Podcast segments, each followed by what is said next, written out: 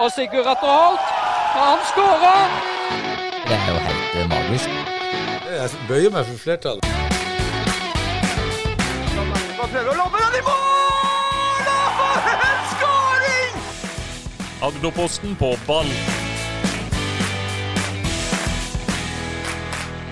En lang sommer går mot eh, slutten, og det er ikke så lenge til fotballen starter igjen. og Vi har fått refs vi i alle kanaler, både Twitter og Messenger og SMS. og Vi har, vært, vi har ikke vært på ball nok, rett og slett, men eh, vi skal prøve å gjøre det godt igjen nå. Og I dag skal vi gå gjennom det som har skjedd siden sist, og det er lenge siden sist, og det er mye som har skjedd.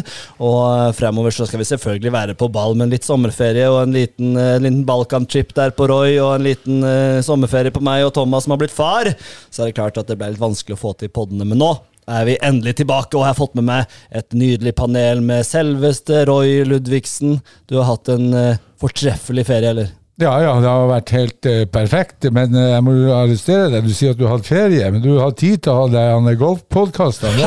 Ja, ja. Du har til og med vært her på Jo, jobb jo, og, og, og jobba med den Ja, det er jo faen meg 1900 par, eller over par. Det, det er jo skandale, men ok. Nå er vi nå her, så eh, jeg gleder meg til å summere opp. Og så må vi kutte den golfdriten. Enig. Ja, nei, ja, det, mm, jeg har ikke noe forsvar, sånn sett. Så jeg kommer deg på jobb igjen. ja, jeg får bare ta den. Uh, så Ja, Thomas har jo, eh, er jo klar, han har jo født og har jo han, Ja, eh, eh, Ja, Loverboy har slått til med en datter her, ikke sant? Det er jo helt er konge. helt Ja. konge. Ja, det er nydelig. Vi- tar en applaus for at Loverboy har fått, uh, fått seg lite ei. Ja, takk. en Takk, liten takk. dronning. Eh, ja. Og ikke pensle inn på noe golf eller noe sånt der. Nei, nei, nei. nei. Men eh, Hvis jeg, hvis jeg ser en golfkølle, skal jeg brekke den. Ja. det ser ikke ut som du har skygga unna sola, Roy. Brun og fin. Ja, i motsetning til uh, været her i, i eh, sør, så der jeg har vært eh, på Balkan, så har det vært eh, nydelig vær. Hørt rykter om et bryllup med 30 nasjoner der, og du fikk Ja, svingt deg litt. ja, da. ja, og der var det kjente og ukjente, så det var, eh, det var Du fikk i hvert fall praktisert engelsken, eh, eh, så det var gøy. Veldig gøy. Lean Mean Killing Machine og sånn. Ja, Mean Mean killer machine. Jo Cyrus, Cyrus the Virus. Men dere hører jo Thomas Egdahl Thorsen, nybakt far, er på plass, selvfølgelig. Det er em, godt å komme i gang litt med litt eh, lokalball igjen. veldig. Det var, godt å, det var godt å komme tilbake på jobb og slippe ned skuldrene litt. Ja, du, ja, det er ikke mye man bidrar med som far i første måneden der. Nei. Det har, Byssing og sørge for at mor får seg litt mat og drikke. Ja. Og litt, og litt søvn og sånn, så da blir det jo mer, mer byssing. Men jeg så jo at eh, de har vært på topptur med ungen når den var tre-fire uker der, så det er sterkt, det. Ja, det, det står eh, full respekt av det, så det, Ja. Vo- vo- Vogna på, skuldre, på skuldrene. ja. Rått. Nei, det er rått. Og så har vi med oss et uh, ny, nytt medlem her i Agderposten på ball, som dere kommer til å høre mye mer av. For vi har fått en ny sportsjournalist i Agderposten-redaksjonen, og det er deg, Ola Bjerkevold. Velkommen. Takk for det. Det er trivelig å være her, si. Ja, det er godt å være på plass. Oh yes, det har gått og kribla lenge nå i den oppsigelsestiden i forrige jobb. Det Ja, ja.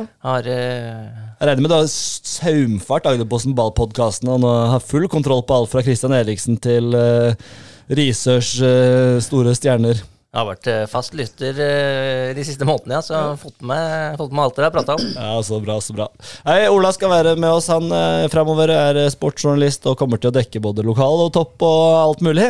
Og Veldig hyggelig å ha deg på plass, Ola. Og så er det nok vi, vi skal nok tilgi at du ikke du har full oversikt over lokalfotballen ennå, eh, men gjennom disse podkastene så kanskje du får det. Men eh, du har allerede rukket å gjort litt, og du fikk jo en uh, Sandstø-oppsigelse i fanget her, eh, noe av det første du gjorde på jobb. Så det er en mann med mye kunnskap som vi har fått inn, inn, i, eh, inn i redaksjonen her, så vi gleder oss til, eh, til det, Ola. Og så må du bare sørge for at du har mikrofonen nærme nok munnen, så er det regel nummer én i Agderposten på ball. Det skal jeg få til. Deilig. ja, karer, hvor skal vi starte? Det er mye. Jeg tror vi gjør det på følgende måte i dag. Vi, vi går løs på divisjonene, ser litt på tabellene. Litt, vi går, kan ikke gå gjennom alle kampene, men vi tar for oss litt som hva som har skjedd. Hvor jeg gjør opp litt status i de ulike divisjonene.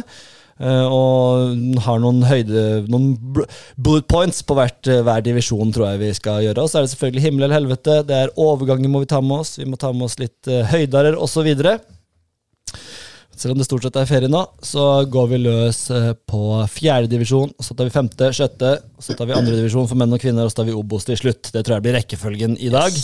Så vi er nok ferdig om en tre-fire timer, tenker jeg. Ja, men så, sånn, sånn må det være. Jeg regner med å snakke til kona du blir borte hele dagen her, Norøy? Ja, ja, nei, hun, er, hun sover nå, hun jobber natt, så det er helt ok. Det er, Du har fritt spillerom? Nei, jeg har jo en annen jobb òg, så Ja, du er, er du starta på jobb igjen nå? Ja, ja, ja. ja. Vært her er faktisk eh, tredje uka.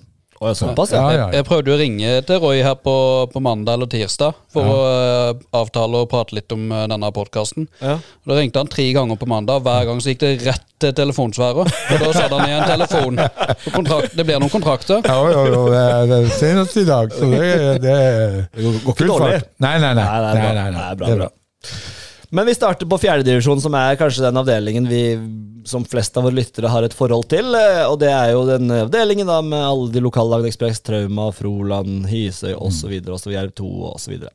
Uh, og der har det jo skjedd lite grann. eh, og Vigør har jo nå, for de som ikke har tabellen foran seg, så leder Vigør. eh, tre poeng foran Ekspress. sju poeng igjen foran Trauma. Og i bånn så er Froland Ti poeng foran Trauma. Ja, Vigør er ti poeng foran Trauma, ja. Mm, Og I bunnen så er det Froland, da, som er under streken, og Vindbjørn 2 og Fløy 2. Og Hise ca. midt på tabellen sammen med Jerv 2. Men det skjer ting i fjerdedivisjon, Thomas. Eh, Først for å legge litt premissene. Hva er det som foregår, og litt overganger og sånn. Hva er det som har skjedd nå?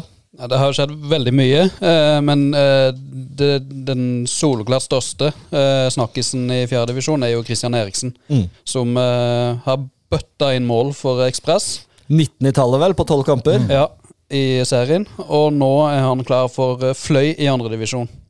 Du har snakka mye om Christian Eriksen, Roy. Hva tenker du om at han nå forsvinner fra Ekspress og forsvinner ut av Aust-Agder? Ja, Han hadde jo i kontrakten da han kom til eh, Ekspress at han eh, kunne gå eh, i, i, i overgangsvinduet. Og eh, eh, har jo gjort det som vi hadde forventa. Vi hadde jo forventa at han skulle uh, skåre mål, og i tillegg så har han jo eh, flest assist også, så han leder jo børsen i, i, i, eh, i Feven i forhold til både flest mål og assist. Så eh, jeg hadde jo regna med at eh, han var interessant for andre klubber, og, og det har han jo vært. Så kanskje litt overraska eh, at han går til Fløy, da, men eh, Fløy trenger han jo. Ja, altså, Fløy får en spilletid. Han går rett inn på Ja, ja, ja, og, og i måten eh, Fløy spiller 1-4-3-3, og, og eh, der er han Kristian Christian god. Så mm. han kan spille både kantspiss og midtspiss, og, og eh, Fløy har jo mangla en, en, en getter som eh, kan gjøre at eh, de eh, får de seirene som de trenger for å overleve eh, i divisjonen. Så det blir spennende, og veldig, veldig veldig glad for på Kristian sin vegne at han får prøve seg. Så skal han jo i andre kamp Ja, første heimkampen sin for Fløy blir mot, mot Arendal. Arendal fotball. Og gjør det det, ja? Yes. Oi, det er godbit. Så Det er 15. i 8. Da, da er det på Flekkerøya. Da blir det Fløy mot Arendal. og eh, skulle ikke forundre meg at Kristian Christian kan eh, Tenk hvis han lage litt senker Arendal der, da. Ja, det, det hadde jo ikke akkurat stått feil i statistikken. Nei, det er jo, rimelig mange eh, eksempler på tidligere Arendal-spillere ja. som scorer mot uh, Arendal-fotball. Det kommer til å skje. Og, og som han, Jan Kristian sjøl SMS-er litt med han, og, og også i det intervjuet som han Thomas hadde med han, så syns jeg han Kristian er blitt en mer voksen spiller som, mm. som eh, er litt mer kraftfull, eh, bidrar Jeg har jo alltid vært en, en jævel defensivt, så, så eh, Men nå syns jeg han er ro, roligere, mer i balanse og, og eh, eh, mer kald når han kommer til de situasjonene i, i boks, og, og er smart i eh, eh, avslutningsøyeblikkene. Så eh, Fløy har gjort et eh, skup der, tror jeg. Eh, Jeg tipper han, han kommer til å putte ti pluss der. Såpass, ja. Ja, det er jeg ganske sikker på. Ja, Det blir ekstremt spennende, og det er spesielt den kampen mot Arne fotball. Det hadde ikke jeg fått med meg at den kom så tidlig. Og det er jo nesten skrevet i stjernene at han kommer til å avgjøre den kampen. Og, tror jeg, da. Det Roger Isholt er spent på hva han sier etter han når Christian Eriksen har skåret tre mål mot dem på Flekkerøy. Ja, og, og, og jeg, jo, eh, jeg må jo si at eh, når du ser i avisen at eh, Vi kommer helt sikkert tilbake til det, da, men at Arendal er interessert i å uh, styrke seg offensivt. Uh, hvorfor de svarte satan henter dem ikke uh, en lokal profil? Ikke sant? Det er jo al- al- altså, han, jo, han trener jo med dem og har jo gjort det bra. og, og Jeg syns det skulle være unødvendig at han skulle gå til Fløy. Ja. Og, vi kommer, og vi kommer tilbake til det også, men sånn som Mathias Johansen, det er jo ikke sikkert han blir værende i all fotball heller, så bra som han gjør det. Og de hadde trengt ja. Men det skal vi til, komme Ja. tilbake til. Eh, men hva betyr dette for Ekspress, da de mister sin klart uh, førende spiller på målpoeng? De mister også Vangerud, de mister Beisland, de mister Jonrud. Og Telle. Telle, Telle går til Vindbjart. Telle går til Vindbjart. Altså, Det er jo ikke offensive slagkraften. Eh, Jeg tipper det sitter en mann av Slagsen på Fevik og klør seg litt i hodet nå, Thomas. Absolutt. De har jo skåret eh, de har skåret 50 mål eh, i serien eh, så langt. Eh, 19 på Eriksen og 8 på Vangerud, eh, pluss en haug med assists eh, på begge to. Så de mister jo godt over halvparten av målpoengene sine. Bare på de to? Bare på de to. Og Beisland har jo vært bra stort i Han har kommet seg veldig. Han har hatt en veldig stigende kurve. Noe av Ja, Beisland. helt, en- helt, Ja. helt enig. Så, så det er klart at det der blir eh, Nå har de jo fått han eh, han uh, Alpsen da fra Trauma, Uh, så det blir jo Men det er en, mer en, en indreløper. Men også en sjokkovergang. Ja, ja, ja, veldig. eh, Det hadde jeg ikke, den så jeg ikke komme. Så um, når du i tillegg vet at han Jonas Gylland er ute for hele sesongen med ny skade, så, så det er klart at da tynnes det i rekken borte ute på uh, Tromøya. Ja, for det, Hvis vi går videre fra Ekspress, som, som åpenbart har en, eh, en utfordring med å fylle plassene framover i banen. Jeg vet ikke, hvem, hvem, tror dere, hvem er det som kan komme inn og lage de målpoengene nå? Det har vært gøy hvis uh, Radgolski, uh, Radgolski ble Radgolski igjen. Ja. Eh, han, har, han var jo stigende form eh, inn mot eh, sommer, sommerpausa. Så hvis han fortsetter å eh, bli satt inn i midten der eh, og tar et par steg til, så kan det jo bli veldig bra. Vi vet jo han her inne fra i fjor. Eh, Uh, jeg tror han får en bedre livssituasjon også. Han har jo fått, fått seg jobb i, i Arendal, da, så nå Ja. slipper han å, Ja. å pendle. Og, og det bra. tror jeg gjør- gjør at han får mer ro og slipper det stresset. Og så er det klart, når du går fra Risør og skal eh, over et regime til Ekspress der du trener beinhardt, det, det er trøkk på treningen, det er 20 mann på trening eh, hver gang, 18 til 20, så blir det en overgang. Og han har jo slitt med sånne smårusk i forhold til akilles og, og litt småstrekker, så, så eh, det er egentlig forventa. Så jeg, jeg tror jo at han eh, Radgolski kommer til å eh, Eh, når han nå får sjansen, eh, så tror jeg han kommer til å, å eh, gjøre det bra. Har du fått med deg mannen, myten og legenden Radgolski eh, Bjerkevold? Har hørt uh, han nevnt, men jeg må si at eh, jeg gleder meg til å bli bedre kjent. Ja, ikke sant?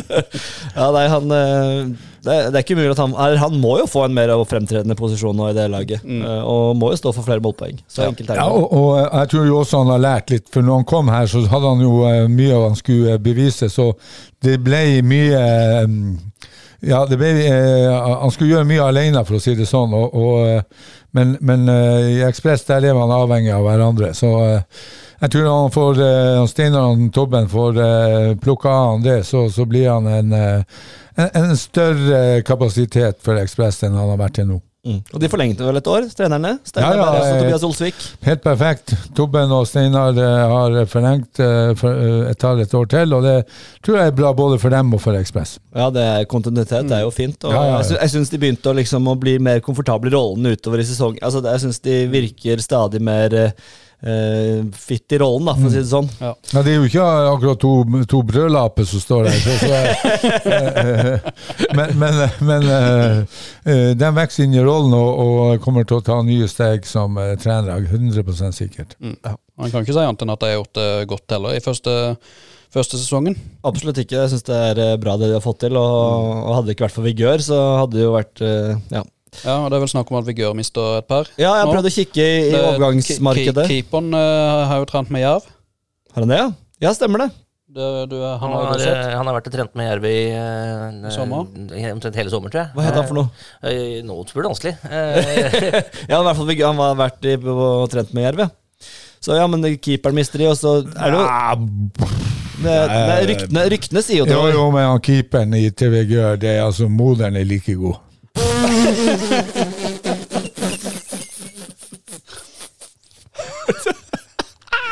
Han må være bedre når han har trent med Jerv og er aktuell for Jerv. jo, men Nei. ja. Er det ung gutt, eller her må jeg si jeg er litt ute på tynn is her. Er det ung gutt, eller hva, hvem, eh, hvem er dette her? Nå søkes det for harde livet fra gutta her, men uh, hva er det som gjør at du ikke har troa på han der? da? Nei, jeg har sett han i et par kamper. Nei da, altså han kan eh, Han er hakket bedre mora di, men ikke ja, mye. ja, det er han. Uh, uh, selvfølgelig. Eh, det var litt uh, flåsete sagt, men, men eh, det må være eh, Og han er helt sikkert lovende. Men er det det Jerv trenger i, eh, når du har andrekeeperen ute med skade resten av sesongen? Eh, eh, det må jo være noe bedre keepere å hente, syns jeg. Ja. Nei, Vi får eh, ta det på når vi kommer til Jerv, eh, men uh, i Ja. hvert fall ryktene sier at Vigør skal miste litt spillere. Så har jeg ikke sett noe i Nei, overgangspatruljen. Han, er- heter iallfall Georg Esperås Dirdal. Stemmer. Og det har vært første, førstekeeperen til Vigør. Stått åtte av tolv kamper sånn etter sesongen, så Nei da eh, Men det, ja, det, vi, kan, kan få se da hva som blir igjen av Vigør, om det, om det er sannhet i disse ryktene om at gode spillere forlater osv. Det gikk jo rykter om at de to beste, både han spissen og også han uh, indreløperen deres, eh, som eh, har vært god med mange assist, skulle forlate og flytte hjem til nærmere familie og det. Men som, jeg, som du sier, Bjerke, jeg har ikke sett noen ting i, i, i avisene eller i forhold til spilleromgang at de er gått, i hvert fall. Men vi må bevege oss ett ned. Nå har vi snakka en del om Ekspress, men nå beveger vi oss ett steg ned til et lag som også er litt i, i, i trøbbel, eh, som vi hadde trodd skulle kjempe høyere med, eller fått mer poeng, og det er Trauma. Eh, ligger på tredjeplass med 22 poeng. Eh, og har eh, siden sist eh, Skal vi se her hvordan de har gjort det siden sist, men i hvert fall de, de eh, har litt utfordringer på, på Tromøy om dagen, Thomas. Det, ikke, det, er ikke, det flommer ikke over av fotballspillere på trening om dagen, i hvert fall. Nei, det har det ikke gjort. eh, eh, det skal ha vært seks-sju spillere på trening, Roy. Ja, det er iallfall de signalene som jeg har eh, fått. Det det er at den første treninga etter ferien så ble den avlyst pga. Av at det var for få spillere. Eh, de som sokner til Kristiansand-området og den biten der, var fraværende. Og, og eh, så har du en del skader, du har en del folk som ikke Som ikke uh, ja, kan møte av uh, forskjellige grunner, og da blir det få. Og um, da velger de altså å avlyse. Men de har jo sommer, så de skal rett skal være rett. De har jo tatt en del poeng gjennom sommeren sin, vår forrige podkast. De har vunnet mot Våg, sterk borteseier. Det var jo i, i Unnskyld, det var jo i april. Ja. De har vant mot Torridal, og de har vunnet mot um, Spilt uavgjort mot Ekspress og tapt mot Jerv 2. Så det er fire poeng da gjennom sommeren sin. Vår forrige podd Det er vel ikke all verden. Nei, men, men det har vært jevne kamper som de har klart å, å bekke sin vei, og så har de hatt jevne kamper som de må ha tapt eller gitt fra seg poeng. Eh, jeg er jo spent på om stallen eh, blir bred nok utover høsten. De må huske på de har et andre lag òg, så de skal eh, Og det andre laget har bare spilt åtte kamper. Ja, vi Ja, kom- det er, eh, vi vi kommer til... tilbake til deg, men de, har- de har jo slitt veldig med De har måttet avlyse to av de siste tre kampene sine før ferien. Ja. Og øh, klart, de får jo en, en ekstra spiller nå på høsten som øh, pga. at han hadde pro-kontrakt, ikke kunne ja, Ja, Hella. ja. Mm. Så han kommer jo inn nå. Så, så eh, det blir spennende å se. Men, men der er en del skader på uh, Jaran og, og, og eh, Men du, Ja. du som er, som er utrolig, det er du messa om mye og opptatt av dette med treningsoppmøte, på en måte, hvor viktig kulturen på trening er osv. Så, så ser vi for, for Instagram av Hisøy, for Instagram av Ekspress, som møter masse folk på trening på sommeren. Har ekstratrening. Det er ikke nødvendigvis at det er så utrolig organisert, men de er i hvert fall de, de, De er der. de er der og prioriterer det. og hva betyr det for høstsesongen, tror du? Altså, det er jo mange gode spillere på Trauma, men hvis de ikke trener sammen, så Altså, du får jo ikke utvikla noe samhandling eller utvikla noen komplementære ferdigheter. Og det er jo det som er. Så ha, og så er det jo ekstremt dritkjedelig for de sju-åtte som kommer på trening. Eh, og det er jo sikkert de faste, da, ikke sant? Men, men det å bygge lag og bygge kultur og bygge den garderobekulturen og ikke minst eh, ja, eh, For samhandling og den, den utviklinga som en klubb trenger, så er det jo ekstremt viktig at man har de som skal være på trening, på trening. Så, så eh, der har Ekspress og eh, mange andre lag eh, Jeg tror også Froland har en bra kultur nå, for de har tatt opp en del yngre. Så er det en del skisme der i, i Trauma, vet jeg, i forhold til bruk av juniorspillere. Og, og da må man kanskje sette seg ned og så, og så uh, finne ut av hvem er lokomotivet. i klubben. Og, og uh, Trauma bygger ny bane, de oppgraderer eh, klubbhus og alt, sånn at alt skal ligge til rette for, eh, for neste sesong. Så, så jeg tror nok Trauman må gå i seg sjøl og så finne ut at uh, hvor er veien videre. Uh, og hvor skal man hente spillere ifra? For meg er det ja, litt uh, rart at man skal hente spillere fra Kristiansand-området og ikke bruke egne kanskje juniorer. Ja, og han, har- for han har jo De har gjort det veldig bra i G19, G19 er det ikke G19-laget som har gjort Jo, det han har veldig gjort det veldig bra, men, ja. men eh, hvis det eh, Altså, er du god nok, så er du gammel nok. Eh, Hvis jeg tenker på om du er 15-16-17 år, så er jo fjerdedivisjon en fantastisk arena for å utvikle deg som fotballspiller.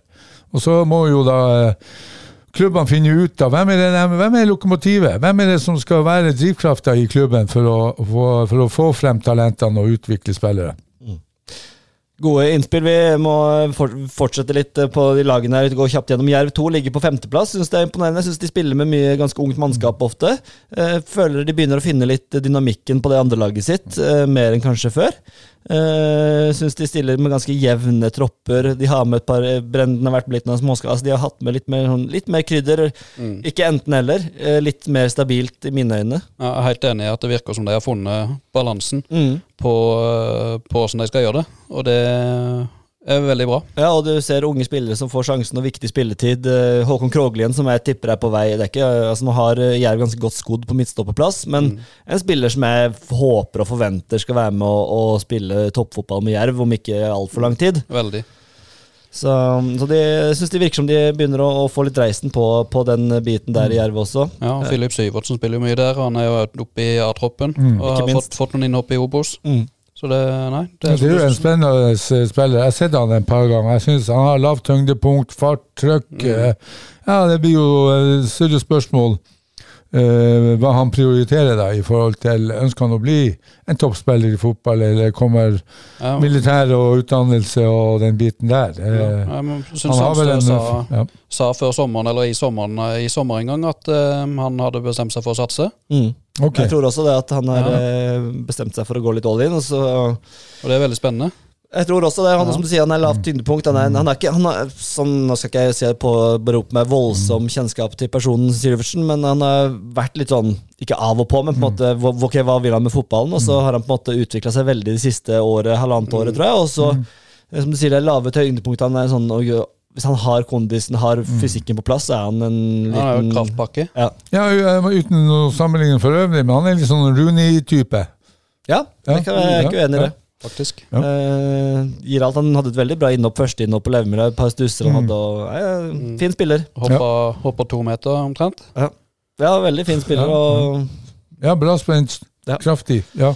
Eh, så har vi Hisøy. De em, ligger nå på niendeplass. De fikk jo en lei skade med sånne trommestander han skulle blokkere et Jeg har fått hele historien der nå, hvordan han, han skulle blokkere et frispark til, Altså motstanderen fra å ta et tidlig frispark, og ender opp med å skade seg ute i lang tid der. Var, eh, han var ikke veldig stolt over det, tror jeg. Nei, eh, men, men det er klart at det vil merkes. eh, Nå ligger vel Hyse på niendeplass og, og har vel kanskje gjort det litt bedre enn vi hadde forventa eller vi hadde tippa. Eh, det er omkring der vi, Ja, de, vi vi har tippa dem. de på tiendeplass. Ja, ja, så de er jo eh, De har jo tatt eh, en, en del skalper, og, og, eh, men det er klart at Sondre er ute. Nå vet jeg ikke hvor lenge han blir ute, men, men eh, det vil ha betydning for uh, Hisøy.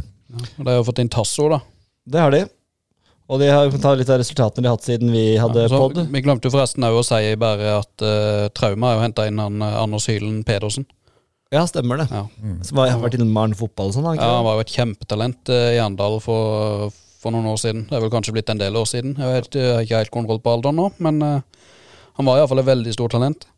Ja, jo, men, men, men uh, han har vært ute en stund, har han ikke det? Eller hvordan? Jo. jo. han var skada en periode. Ja, og, og liksom han, han, blir ikke, han blir ikke redninga i forhold til Nei, nei, om men- man skal rykke opp, da, men Nei, nei, han vil komplementere en eh, Det er mann kanskje en ekstra på trening. Ja, ja, helt enig med det. Men siden sist, da, Hisøy de har vunnet 6-4 mot uh, Flekkefjord. Og så har de se hvor blei noen dokumentene mine her. Så tapte de 3-2 på Kringla mot Froland.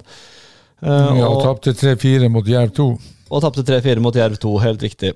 Og, så det har ikke vært noen voldsom eh, poengfangst for Hise i eh, Nei, de tre sommer. siste, nei. De, Og det er jo da uten uh, Trommestad, og vi har jo snakka om at han, vi tror han betyr en del. Ikke fordi han er sånn ah, det er ikke en, Han er jo en bra spiller, men mest fordi han er typer han er, eh, og drar med seg. Eh, så da etter Trommestad-festivalen så har han vel ligget i dvale sikkert og telt, telt penger. Jeg traff han ute på byen i lag med dama, så Men da var han i godt humør. Da var han i godt humør. Ja, nydelig. Ja da. Nei, men Hise ligger vel omtrent der vi har forventa, og hadde nok en litt bedre start på sesongen. Og mista Trommestad, og på en måte, ok, så får vi se da åssen høstsesongen er. Men jeg er ikke redd for at de rykker ned, i hvert fall Hisøy. Det tror jeg de skal klare å holde seg unna. Mm. Eh, Froland derimot, de er under streken med ti poeng. Eh, slo som sagt eh, Hisøy. Eh, ser du at Froland klarer seg i fjerdedivisjon, Roy? Ja, jeg har faktisk forhåpninger om det. Som jeg sa, nevnte tidligere, de har fått en, bra stall. De har flere folk på trening enn tidligere. Så vet vi også at Froland bruker å ha bra høster. Så, så eh, å, å klatre forbi Flekkefjord, Torjedal eh, det ser jeg absolutt som en mulighet for eh, Arve og, guttene oppe i Froland. Så, så eh, eh, klarer de å holde trykket, klarer de å holde stallen intakt og, og kan fylle på når de får litt gule kort og skader, så tror jeg utover høsten at eh, Froland skal hente nok eh, poeng. Eh, spesielt oppe på Kringla. Ja, våt Kringla-matte der, så Ja, er det jo det går fort, og det jo, jo, jo tyngre den banen Ja. er, jo bedre er det, si. Ja, og, og så har de begynt å slå med litt, å være litt mer direkte og, og uh, utnytte den farta de har oppe der på, på topp. Så, så uh, litt mer kynisme, litt mer uh, Ja, litt mer eh, trøkk i avslutningsfasen, og så slippe inn eh, færre mål, så, så eh, tror jeg Froland kan berge seg. Ja. Absolutt. Har fått mye, mye folk tilbake fra skade. De har slitt veldig med skader, de òg, gjennom eh, vårsesongen. Ja, og, Nå og var det det mye, mye tilbake nå. Mm. fortsatt uh, prata med Kasper Jørgensen her eh, om dagen. Mm. Han sa vi, men det er fortsatt, nest, det er fortsatt bare frolendinger, bortsett fra én, Anders Wiig. Men han er samboer og venter barn meg fra Froland, så det går greit. Ja, ja, ja. Det er nøye inntakskriterier. Ja, ja, ja, liksom? Han var veldig nøye på at eh, du må ikke være fra Froland. Så hvis, det, hvis du ikke er fra Froland og vil spille for Froland, så kom gjerne på en trening. Ja, men Det er nydelig. Det er jo, vi, er, vi er jo glad i det, da. og Den lokale tilhørigheten der er jo nydelig. Og det, det er jo så sist, jeg var, var vel ikke før sommeren jeg var på en Froland-kamp der. Det er jo mye folk på Kringland nå. Ja, ja, ja. Og der er stemning, og de har kiosk og eh, sånn som det skal være i, i, eh, i, i fjerde divisjon. Så, eh, men det som forundrer meg litt, jeg snakker jo litt med mange av de her lagene, og det er jo at på, når det gjelder skader, så har de elendige rutiner i forhold til oppfølging. Altså skadeforebygging, Snakke snakker med Rykene, snakker med Trauma, snakker med det eneste som har en ordentlig ordning, legeordning og, og fysioterapeutordning, det er igjen Ekspress. Resten av klubbene, der går de og halter i, i, som noen syke høns, eh, ja, om så foten er, er nesten reven av. og, og så går de og venter på at de skal lege seg sjøl. Altså, vi har jo fysioterapeuter, vi har jo leger som kan eh, få, få eh, bidra til at man kommer eh, Kanskje bruker bare halvparten av tida til å, til, eh, før man er tilbake i spill igjen. Nei da, der går de og venter og tror at det skal skje et under. Eh, og det forbauser meg i, i Ja, og ikke eh, minst å få litt innspill på skadeforebyggende også, da. ja, ikke minst. Også, og det her med å teipe og, og noen, kan, noen kan ikke spille kamper, men de kan spille padel. Altså, Men, du, men uh, altså, uh, for meg er det sånn der han uh, For får gjøre som du gjorde. Du og Kai Paulsen husker jeg, litt Brexidol der, så er du i boks. eh, Det heter Napren. Napren, da er du Spiser du Napren på, på, eh, når du spiser middag, så er du er du tilbake etter eh, halvparten av tida.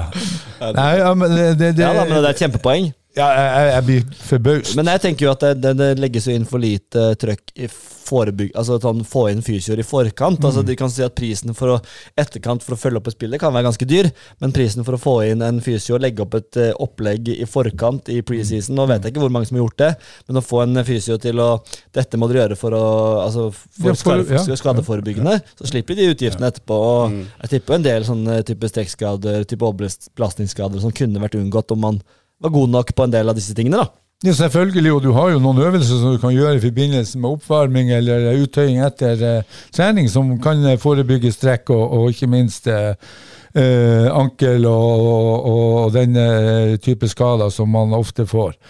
Men, men, og skader kommer jo også ofte av at folk trener for lite. Altså Man kommer for sent inn i situasjoner, man klarer ikke å lese spillet. Så det her er jo eh, sammensatt. Men blir du noe skada, kom deg nå til en lege og kom deg nå til en fysioterapeut, der du får råd i hvordan du kan komme deg fort tilbake. Nei da, dem er ja, nei, Det er nesten sånn at jeg blir skremt. Eh, Men det er også ledelse og, og, og eh, sportslig ledelse. At ikke de klarer å få på et sånt apparat, det er for meg helt utrolig. Ja, Gode innspill. Vi har brukt en halvtime nå på fjerdedivisjon, så det er klart at dette her kommer til å ta tid. Uh, Ole, har du noen innspill til fjerdedivisjon før vi går videre? Har uh, ingenting å komme med her. Nei, ikke ennå, si. Ja, ja, ja. Ta, det blir noen uker. der. Vi kan jo bare kjapt si åssen vi Vi hadde jo tipset vårt, da. Eh, Åssen vi ligger an sånn halvveis nå, er jo Vi hadde Vigør på førsteplass, vi hadde Trauma på andreplass og Ekspress på tredje. Så ja, Trauma Ekspress har bytta plass. Vi hadde Våg på fjerde. De har jo underprestert litt. Grann. Det syns synes jeg er litt rart. Jeg synes de spiller mye jevne kamper. Vi hadde Jerv 2 på femte, det er blink. Søgne på sjette, det er blink. Lyngdal på sjuende. De ligger på fjerde, så der bommer vi litt. Uh, Gi vakt på åttende, de ligger på sjuende. Flekkefjord på niende, de ligger på ellevte. Hisøy på tiende, de ligger på niende. Og nei, jeg syns rett og slett vi har eh, levert Froland. et, eh, Froland har vi på tolvte, og de ligger på tolvte. Mm. Vindbjart på trettende, og Fløy 2 på 14 har vi på tipset vårt. Skal si. Skulle tro vi har peiling på greiene her. Skal Ja. si. Må ikke gå videre nå, tror jeg. Nei. Vi, bare, vi tar bare tipset fra fjerde. Eh, nei, det var uh, mye spenning i fjerde divisjon og en veldig spennende høstsesong. da Med, Ja. med mye endringer, mye nytt som kan skje. En dynamikk som endrer seg helt over natta omtrent i- gjennom sommeren. Så um, spent der på hva, hva vi får servert. Femterevisjon. Tom Jarle Thomassen og Birkenes de fosser videre. De, Thomas, du har prata litt med Tom Jarle? Ja, det har jeg. Og de er jo eh, Han eh, innrømmer at han, han hadde ikke trodd at, det skulle, at de skulle få så mye og så kjapp progresjon som de har hatt siden han overtok i januar. Han kom jo, han ble jo kasta rett inn i det i, i, i vintercupen. Bare vel et par dager omtrent før eh, de første kampene der. Og en så jo allerede da at eh, dette ser spennende ut. Ja, han tok jo litt grep med en gang. Det var det som Han var kult å se på han på Tom Mm. Jarle. Måten han faktisk gikk inn og gjorde taktiske grep. Ikke bare Mm. sa 'kom igjen, gutter', liksom. Veldig. Og nå ligger det jo Er det fire poeng foran Tigerberget? Med to, Fem, fem poeng foran. ja, med to kamper mer spilt. Ja, Ja. riktig. Og de to er jo egen klasse. De ligger jo da, Mm. For å ta det, så ligger jo Øyestad på 19 poeng, da, så det er jo Jo, det er en kamp mindre spill. Jo da, eh, men eh, det, minimum 11 poeng Ja. eh, fra Birkenes til Øystad. Ja, så og det, Birkenes banka jo Øystad før, pause, før sommerpausen. 1-6. Med 20-25 fra Birkenes, som tok turen for, eh, på bortekamp. jeg gjorde det? Ja, det er jo helt rått. Fantastisk. Ja, det er gøy. Det er Da begynner det fotballfeber i, på Ja, jeg har aldri sett lignende. Fantastisk Ultras-gruppe kommer snart med. Snart blir det slåsskamper før kampen. Ultras, fra Birkenes kommer og lager et helve, helvete. Blir fryk, frykta. Politi oppe på ryggen når jeg kommer dit. Ja, faktisk. Ja, faktisk. Uff a meg. Ja, Der kan det smelle. Ja, det kan, det kan smelle godt. Um, nei, men Han eh, er jo åpenbart fornøyd. da Og Ja. Fas Er du overraska over hva han har fått til med Birkenes-laget? De har jo ikke henta inn sånn vanvittig mye, men de har de, som jeg har nevnt før, de er solide i egen boks og, og eh, gode i motstanders boks. Spiller direkte fotball, og, og han har vel uttalt seg at han kan ikke skjønne det her med å spille seg ut når du kan utnytte bakrommet med en gang. Og, og eh, For meg er det en, en miks av det er jo veldig bra, men jeg er ikke overraska. Mer overraska at Øyestad er på tredje. Ja. Eh, så jeg er jo skuffet, eh, skuffet over Rygene på tiendeplass. Eh, men der også sliter med tynn stall og, og har eh, ja, litt lite folk på trening, og da eh, tar det tid når du skal implementere en ny måte å spille på. Så eh, jeg blir spent eh, på høsten og eh, hva Rykende får til. Nå møter de jo Øyestad syvende i åttende, og da kan det jo bli eh, traballer der oppe. Det kan det. Og bare for å gjøre ferdig Birkenes, da, vi kommer kanskje litt tilbake til det også, men de har jo noen bautaer der som på en måte er og drar det lasset. Vi kommer jo ikke unna Suggelia, Håkon Suggelia, som ja, Ja, uten, uten, uten han så hadde jo ikke Birkenes vært i nærheten av det de er, tror jeg, da. Nei, hadde han vært eh, han kunne, hadde han vært ordentlig motivert, så hadde han fint spilt i andredivisjon. Det er jeg sikker på. Ja, det tror jeg også. Og har vært, vært en, en god bidragsyter i tredje og fjerde divisjon. Det er jeg ganske sikker på, jeg også, eh, som han Thomas sier her. Ja, han har trøkk i spillet og på en måte er jo en sånn hærfører på det Birkenes-laget sammen med Michael Crowe, og så har du Flonaldo på topp. Ja, det er jo helt, Flåland er det vel? Unnskyld. Flåland, ja. Ja. Den der, de, de tre der, den sentrallinja i de tre, Ja. den er jo helt uh, ekstrem. Og de tror jeg vel har spilt nesten alle kampene nå. De er ikke Ja. mye fravær på de. Ja, og Flåland, kan han? Biraten? Eh, han blir 18 i dag, tror jeg. Hei sann! Gratulerer Ja, gratulerer med med dagen. Jeg tror, Fl- eh, Flåland. Sjekka det her om dagen. Jeg tror det er i dag, faktisk. Oi, oi, oi. 27. Det er Ja. god info. Å, kreps. Ikke han det, da? Ja, det, Hvordan passer sammen du, med det? Du, du om det? Jo, Vi i er, dag. krep, ja, ja, vi er kreps begge to, da. Ja, ja, ja. Krepserne. Jeg, Nei, jeg men- regner med han er venstrefota òg. Nei, det er han ikke, er det. Han er tobeint. To- sikkert to- Flåland-. Ja, alle er jo tobeint. Vi har jo begge Flåland er tobeint. Ja. Vi har begge to. Vi har jo alle er jo tobeint. Nei, men det, Jeg syns det er fryktelig gøy som du sier, med interessen for Birkenes, og, og at de har fått til litt eh, flyter litt nå. De, de, de mister vel et par stykker, Thomas. Ja, de mister tre spillere eh, nå til høsten. Blant annet eh, Jon Frikstad, han har jo spilt mye. Og Johannes Kristiansen. Ja. Eh, han kom vel Det er vel litt yngre gutt, er det ikke? Jo, han kom vel inn for fullt sånn midtveis i vårsesongen, vel. Ja. Skårte vel fire, skårte fire mål i en kamp der eh, med et Prag. Stemmer det. Så, så de mista de to, iallfall, som har vært sentrale. Ja. Men eh, så lenge ikke det er Crow, uh, Sugli eller Flå, så har de jo mye å spille på. Ja, og ikke minst en annen som tror jeg er viktig for laget, er nå står det Aspegren, er det ikke det han heter? Espegren. Espegren, ja. Knut Arild. Ja, Knut Arild Espegren, ja. Eh, også en eh, viktig spiller. Litt, eh, litt mer eh, ja, rutinert type, er ikke det? da? Men vi vet jo at alle lag i, i, i eh, regionen mister jo spillere av ulike grunner på høsten. Og da er det jo om å gjøre å være flink nok til å fylle på med Ja. og tette de hullene og, og få um, de puslespillbrikkene som da detter ut av puslespillet, på plass med nye. Mm. Men Tom Gjerle var jo igjen veldig nøye på å presisere at ambisjonene til Birkenes det er fortsatt å bli topp sju. De kan vel tape resten av kampen nå, for bli blir topp to. Ja, det, er ikke, det er ikke langt unna. Jeg tror det blir to ja, Ja. med 33 Da må jeg, si, da må jeg si til han Tom Jarle du kan skjenke meg full, men du kan ikke lyge meg full. Ja, han, pekte, han pekte på det hvis en får, eh, hvis en får noen skader på Flå eller Suglia. Så Bare tull, det han sier. men det, Det er bare, bare rør fra Tom Hjelm. Det er nydelig, det er nydelig, da. Det er nydelig. Øystad imponerer, syns jeg. Tredjeplass, Ja, nyopprykka. Eh, fortsetter å, å imponere i, i opprykkssesongen. Syns de har uh, gjort, det, gjort det meget bra. Ja, absolutt. Eh, Selv om det gikk på en smell mot Birkenes, så fått veldig sving på det. Og Marius Brun Henriksen har begynt å bøtte inn igjen. Eh, Så det er gøy med Øystad. Rune Henriksen tar jo nivå uansett, han. Så det, Ja, det får en uh, målsnig, altså. Mm. Mål, målgarantist. ja. det er ikke alltid han ser ut som han skal skåre mål, men så bare er han der.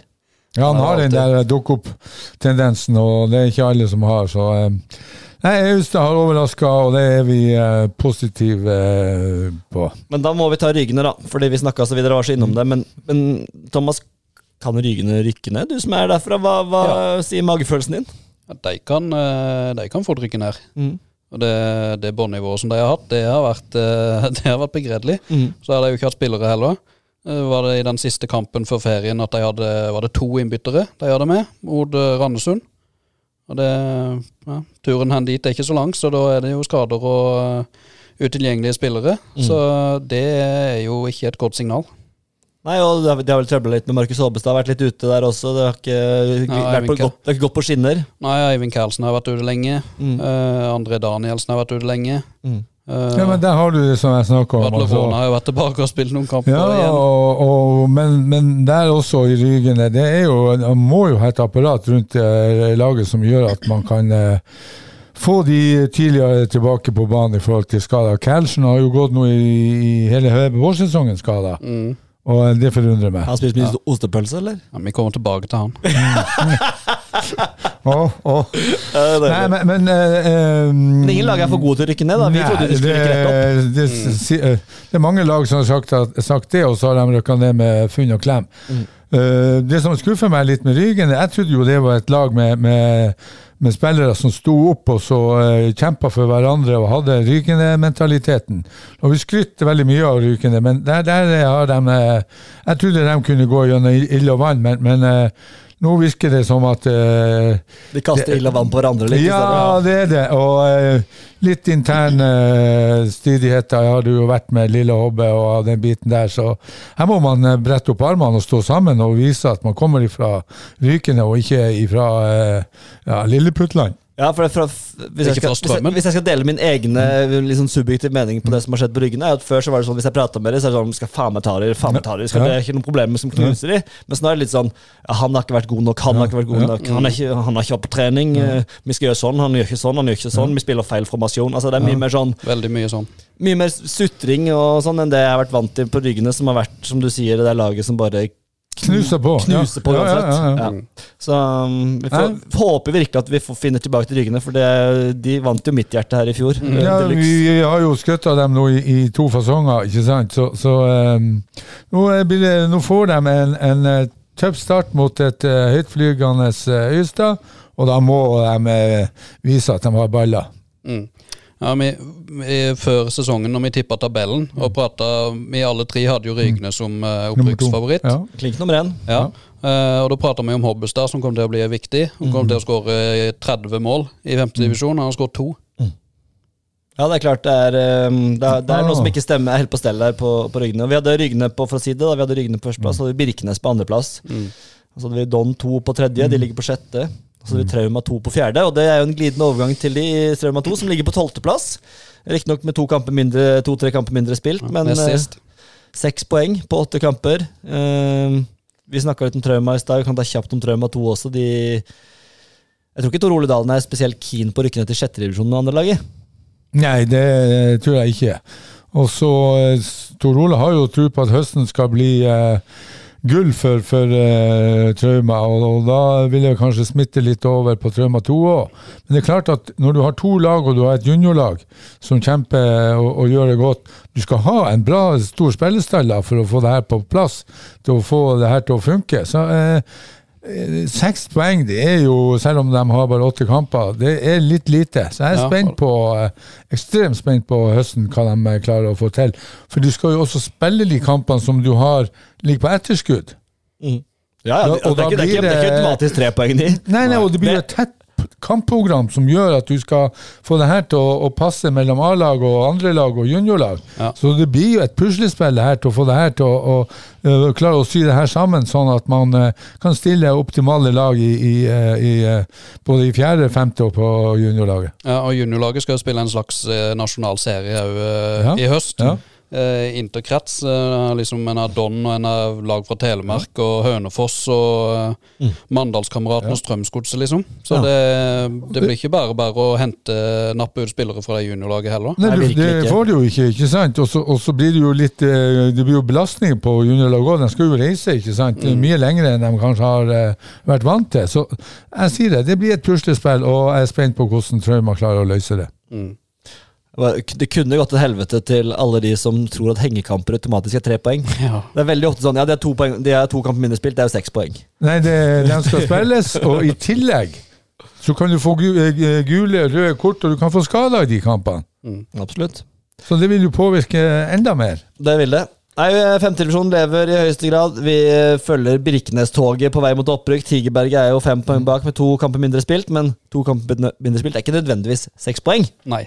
Eh, men uh, spennende det er å se hva, om Tom Jarle Thomassen og co. i høst klarer å ta opprykket. Det var gøy. Vi beveger oss ned til sjette divisjon, hvor det er også enormt stor kamp, og utrolig kanskje den artigste og mest interessante kampen for vår del om opprykk. Og det er den står mellom Grane og Sørfjell i første omgang, men også Strømmeglimt, da, som jakter hakk i hjelm, tre poeng bak. Grane med 22 poeng, Sørfjell 22 poeng, Strømmeglimt 19. Alle har ni kamper spilt. Det, den høstsesongen i sjette divisjon gleder jeg meg til, Roy. Ja, det blir utrolig spennende. Og så er det jo artig å se i sjette divisjon. Nå er det jo Imos og Risør har jo eh, takka for seg, men du ser alle lagene har spilt ni kamper. Og tabellen er oppdatert, og det syns jeg jo er gøy. Og det klarer de å få til i sjette divisjon. Og så må jeg jo si at eh, Sørfjell har jo overraska eh, enormt og ligger og kjemper med Grane, som vi trodde skulle vinne alle kampene sine. Mm. Og så ligger Strømmen-Glimt med TP der som en dark horse og, og, og ligger og lurer bak i kulissene der og kan plutselig eh, skvette frem og, og si 'hallo, du', her er Ja, de, de Takk spilte jo nylig dere. i sommer spilte jo 3-3, Strømmenglimt-Grane der. Så det er En Trillokamp. rett og slett en thrillerkamp, ja. Eh, Ja, og så er det vel, kommer vel Grane til å miste en spiller. Jaha. Du hadde lurt smil her.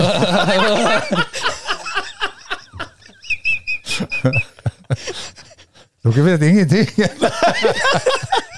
For, for å spytte ut her. Nei, men eh, jeg vil, det går vel rykter. Det er jo ikke sikkert eh, at det skjer, da. Men eh, du har vel en fra Trauma som gikk til Grane, som kanskje er på tur tilbake til Trauma. Jeg har hørt noen rykter om det, faktisk. Hvem da? Ballalauto. Å ja, Ballalauto, ja, selvfølgelig. Øystein, Ballalauto på vei tilbake til Trauma. Ja da, vi kjører VM! Vi kjører VM! Akkurat sånn. Nei, men eh, det tror jeg kan være en forsterkning for uh, Trauma oppi alt det her. Men nå eh, En svekkelse for Grane. Ja, det blir en svekkelse for Grane i kampen om eh, opprykk. Og så hadde vel, fikk vel Grane også eh, en spiller utvist i siste kamp. Ja, En av sønnen til en som var Brekke, ja.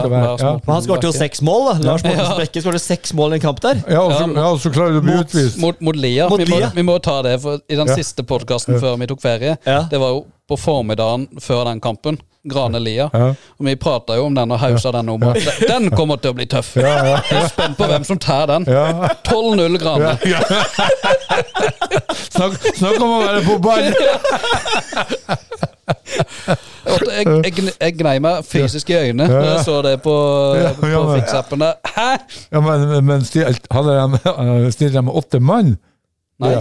Nei, de stilte elleve mann, men det var ikke så verst lag heller. Så- Kikka så- kjapt gjennom. så greit ut. Ja, ok. Så det var Det var solid. Men da skårte Lars Mortensen Brekke seks, Seks, eh, ja. kasser der, da. ja. andre denne sesongen for får skår dobbelt hat trick. Ja. Ja, det er sant. Ja. Det er et godt poeng. Nei, De har vel en kanongod målforskjell, Grane, så eh, den kan jo faktisk, så jevnt som det, så kan den bli avgjørende. Ja, de har 50 pl Ble ikke den, positive ble ikke den avgjørende i fjor òg, da? Målforskjellen? Jo, mener på det. Jo. De har 50 pluss, og Ja. en Sørfjell på andre er 14. Ja, ja, det er. Det er jo seks poeng, det. Ja, det er De, de har 59 i målforskjell Ja, etter ni kamper. 50 Nei, 59-9. Ja, 50. ja, de har 50 plussmål og så Ja. inn bare 9. Ja. Det er jo enormt. Det, det er ett ja, det er ett mål i snitt baklengs. På heimbane på fem kamper 42-3 Ja, i målforskjell. Det er voksent. det er Ja, er voksent. ja. Ja, ja, ja. Men de, de, de har ikke klart å skape luke likevel, da. Og det er Nei. poengene som teller. eh. Nei, i forhold til våre tips så har de jo skuffa litt. Vi som sagt, vi trodde jo at de skulle vinne alle kampene. Ja. Og eh, Hisøy 2 er jo også eh, Ja, overraska. Ja. Eh, De, men de har jo Vi har jo rost Hisøy tidligere Mm. også med denne De har skapt en litt sånn kultur ute på øya der nå, med første og andre lag som trener litt sammen, litt litt ikke- ikke sammen. De har skapt noe De har funnet litt eh, rytmen på det på første og andre lag, Mm. og, og samhold, og jeg tror Det jeg hører, er at de har det veldig gøy. Ja, og, og, ja. Og hvor viktig er ikke det? Og du er nødt til å ha det gøy, hvis ikke kan du finne noe annet å gjøre. Altså, det, det, fotball skal være gøy. Og, og eh, hvis du ikke har det gøy, så finner jeg noen andre kompiser og går på kafé. Ja. Ja, det, men det er sant. Det er, ikke vær på trening og forsøple et miljø. Det er bare tull. Og så har vi på femteplass da Lia, og der må vi bare ta med oss toppskårer eh, Viktor Bjørkås, som har skåret 19 mål, er det vel? 19 på åtte- kamper. kamper. Det er et Den er så syk, den der toppskårerlista i sjette divisjon. Viktor Bjørkås eh, 19, Amid Areso 17 og Lars Mortensen Brekke 12 Ja, etter ni kamper. det er solid, det.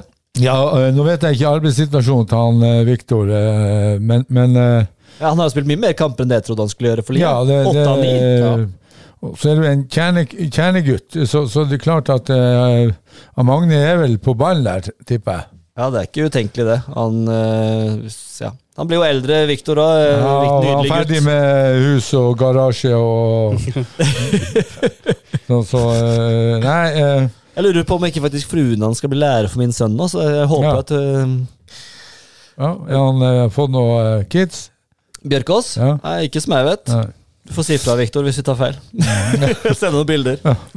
Privat. Ja, nei, men også må vi ta med oss uh, Riise på sjuende, da. Ekspress 2 ligger på sjette. Uh, Myra Eidekam. Og så fikk trommevirvel Vegårshei sin første seier. Yes! Ja, det Det var helt flaut, ass. Det, er Ja, det, var, det var gøy å se, rett og slett. Siste kampen før ferien. Så, eh, så sa den 4-1 over Risør. Det var sterkt. Ja, 4-1. Ja. Ja, det var, det var veldig gøy. Ja. Så det er jo et lyrisk verk ja. på, på Facebook fra Vegårshei Eh, fra den kampen. Ja, Er det De kjører fullstendig Strømmen Glimt-stil. Fantastisk. det, er- det, er Fantastisk. så- det er så nydelig. Nei, jeg syns det er artig med, med at de får den seieren. eh, Og Så, eh, i den kampen, de, de døpte det sjøl. Jeg må finne det, for jeg måtte skrive det ned. Og det var veldig gøy at de kalte det det. Eh, skrev historie med første seier etter årtusenskiftet i slaget om Østre Agder. Det kjente slaget om ja, Østreider. ja, men det er jo sant. Det er jo et slag. Østre Agder Ja, ja. det- å, å knuse Risør, det er jo eh, ja, Det må jeg Jeg håper de slutter å feire der oppe nå. Ja, nærmer Ja. Holdt på en måned nå. Ja. Nei, men jeg jeg gleder meg også veldig til fortsettelsen i sjette divisjon her, da, med, med disse, denne kampen i toppen her. Nå skal jo Sørfjell mot Lia og Hisøy med to møte Grane. Strømmeglimt mot Sørfjell, ikke minst. 12. August. eh, Ja. Og Lia Myra etter hvert òg. Ja, det er spennende. Det hadde vært deilig å kunne vise de kampene, Thomas. Hæ? Ja. Er det ikke noe nytt der? Ingenting nytt på rettighetsfronten. Off, off, off. Og det blir det ikke heller. Hmm? Og det blir det ikke heller. Nei, altså jeg hadde jo en lang prat med Medier24 her. Du Kan jo lese den saken hvor vi, vi, de blir spurt litt om dette, og det ser ikke ut som det blir noe De, de peker bare på hverandre, og så Fotballforbundet tar ikke noe ansvar, så Og hvor lenge er det dette Her vet vi det, Hvor lenge ja, det er all overskuelig fremtid. Ja. Ja. Ja, men, men det er jo eh, et paradoks. Altså, her kjemper vi for å få eh, eh, fokus på lokalfotballen. Vi skal beholde fotballspillere i, i lengre i, i klubbene og, og, og holde på med fotball lengre. Og så sitter vi også i, i lille Norge og klarer ikke å få komme til enighet at vi kan vise lokalfotballen på, eh, på eh, lokale plattformer. For meg er det Her må Fotballforbundet, NFF, inn og gjøre en, en jobb. Vi kan jo ikke sperre for eh, lokale plattformer som har lyst til å vise lokalfotballen. For meg er det en skandale, rett og slett. Det er ikke, og det er ikke levedyktig. Nei, det er ikke levedyktig hele tida, men det, du har noen som sitter inne på de kontorene i Oslo og klør seg i ræva og ikke klarer å, å ordne sånn at vi eh, eh, får lov til å vise lokalfotballen. For meg er det rett og slett eh, udugelighet og, og, og eh, Men det som, er det, som, det som er utfordringen, er at det er klubbene her som må ta, det, som må ta dette videre. Altså vi kan stå, altså Hvis vi som aktør står og liksom Dette er ikke, noe vi, det- er ikke noe vi tjener penger på å vise sjetterevisjon. Nei, det er ikke det jeg mener heller. Nei, nei, nei, men det ja. er- bare sånn henstilling til klubbene. At, på en måte, at det er der på en måte initiativene må komme fra. Du, vi, si til forbundet og til kretsen vi, vi, vi ønsker å bli vist. Altså Vi vet jo at det er folk som har lyst til å vise oss. For- Ja, og vi- må jo òg. ja, ja, hvis, ja, nettopp. Ja. kretsen, men hvis vi som aktør kommer og sier så Ja, dere skal bare tjene penger sånn, men, men faktisk så er det ikke det som er vår Ja, altså, men det er lov å tjene penger i Norge òg. Jo, jo, jo, jo men, og, men det, vi har jo oppriktig lyst til Ja. å dekke det som Ja, er viktigst for våre Ja. lesere. Og vi brenner jo for det her, ikke sant? Og så, så, så, da må jo også kretsen og kretsformannene møtes ta det videre. Så gå inn til NFF, sette seg på kontoret der. Mm. Hei, nå holder vi på å grave vår egen grav. Nå må vi få lov til å, å vise lokalfotballen på lokale plattformer som gjør at vi opprettholder interessen. Publikumsstrømminga eh, tiltar. Eh, folk kan se kampene i ettertid. Mm. Altså, det, Vi lever i 2023. Det er nesten Mm. sånn at man, man lurer på om, om, om vi er tilbake i steinalderen. Ja, det er vilt. Vi får glede oss til vintercupen enn så Ja, lenge. faktisk! Er er, et halvt år, er et halvt år det er et halvt år til er vintercupen. Ja, permisjon. Ja, vi får se. Vi skal hyre han inn. Fri, fri, frilans. Vi får finne inn noen barnevakter. Sett noen andre byliner på. Ja. Nei, men Vi skal bevege oss videre. Det, ting, tida løper fra oss her. Og nå kan jo også Bjerkevold få lov til å bidra litt her, tror jeg. For det har vært litt i prat. Vi skal på andredivisjon for eh, kvinner. eh, hvor eh, det ikke ser all verdens ut for eh, våre lokale lag, dessverre. Arendal fotball falt ned til en eh, åttendeplass i den avdelingen. Og Amazon, da, som eh, jeg har vært veldig positiv til, trodde de skulle komme litt på rett kjøl. De, de, det gjør de ikke, og de ligger på ellevteplass med elleve fattige poeng. Um, det er jo ikke lange biten oppover, men det er heller ikke lange biten nedover til direkte nedrykk. Så det har jo ikke gått den veien vi ønska. Vi kan jo begynne. Ola, du har vært prata litt uh, med Ola har disse prata med begge trenerne. begge trenerne. Si litt hva, hva de sier og oppsummerer, og, og hva de tenker. Mm. Jeg kan begynne med, vi begynner med Amazon. da. De, mm. de hadde jo tre spillere eh, på det verste i, i januar der, eh, og måtte jo bygge hele stallen på nytt. Det har vært mer utfordrende det jeg tror eh, Leif Solis og, og gjengen så for seg. Ja. Eh, og så sa han også til meg at det har vært som de må bygge tre staller samtidig. For de må ha, først måtte de ha én inn for starten av sesongen. Og så må de bygge en til nå, når noen kommer inn, noen kommer ut. Eh, alt som med skole og jobb og, og diverse nå eh, i sommer. Og så må de også samtidig da bygge en stall for 2024. Eh, og når man da har fått den starten de har fått, med ett poeng ned til Rosenborg, to på nedrykk, så tror jeg ikke det kanskje er det letteste å skulle overtale spillere til å bli med på eh, 2024 også, eh, når man da ikke helt vet hvilken divisjon man er i. Eh, Åssen så- oppfatter du han da? Sånn er, på en måte Opplever du det er et lag med ryggen mot eh, veggen, liksom, eller hva tenker du? Eh, Nei, jeg oppfatter eh, i hvert fall den ene praten jeg har hatt med Leif Solis. Altså virker han veldig, veldig sterke tro på at dette her skal gå helt greit. Mm. vi skal, eh, de skal overleve. Eh, så er det jo realist å si at det er ett poeng ned til, til uh, avgrunnen, for å være litt dramatisk. Vi Eh, er dramatiske her. Ja, men det, er- det er avgrunnen. Så er det avgrunnen. Ja. Men han er også tydelig på det at det er ikke krise å måtte nå være i andredivisjon et ekstra år. I forhold til ja, man skulle gjerne rykka rett opp igjen, selvfølgelig skulle man det. Men man må erkjenne at uh, kanskje har man ikke jobba Altså vært, hatt nok kontinuitet over, eh, over tid, da, for det har jo sklidd nedover de siste Ja, da, det har De jo vært kaos i klubben de siste åra, så det er klart at de har mange steiner de skal bygge på før de har fått et fundament igjen, da. Mm, og når man da går ned en divisjon, så, så endrer jo ting seg, både økonomisk og, og alt annet. Mm.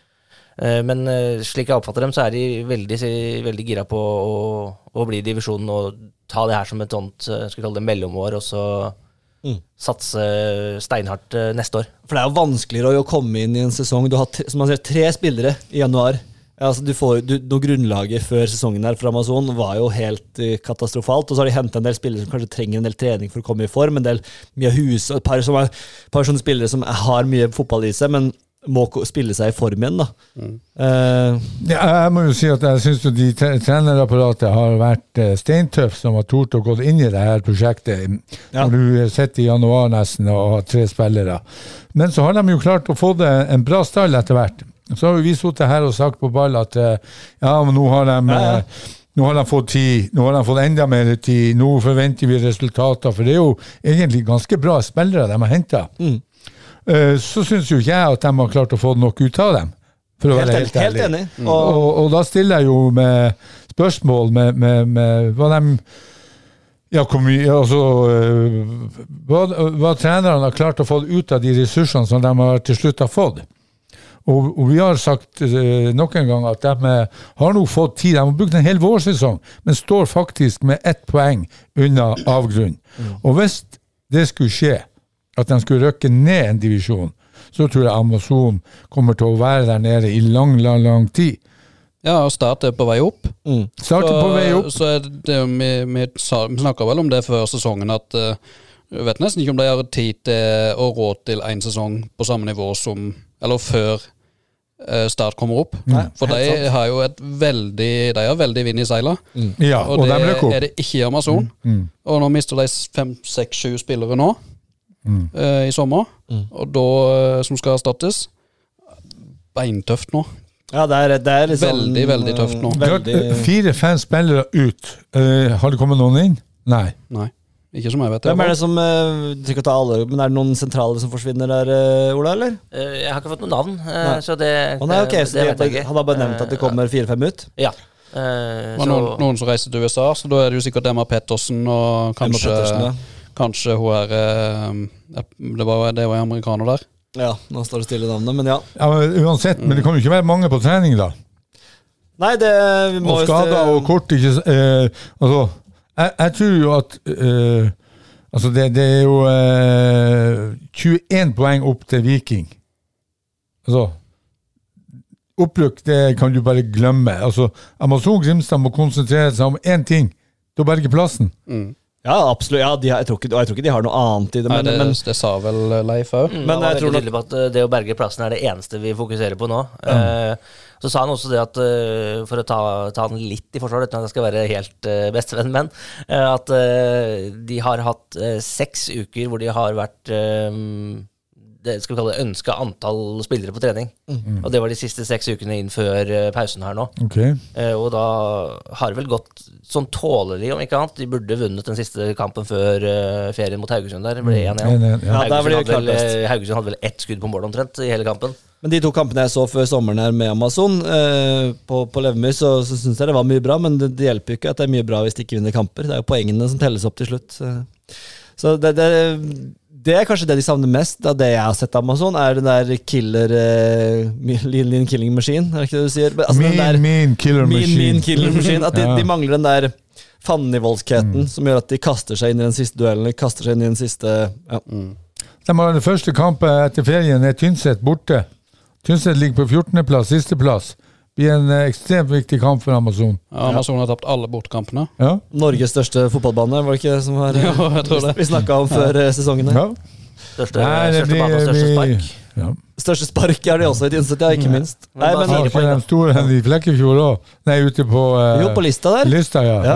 Jo, det tok de rekorden, kanskje? ja jeg Eller mener, de gjorde det, ja, det er sant, det. var den største der. De tok rekorden i lista, ja, det. ja, ja.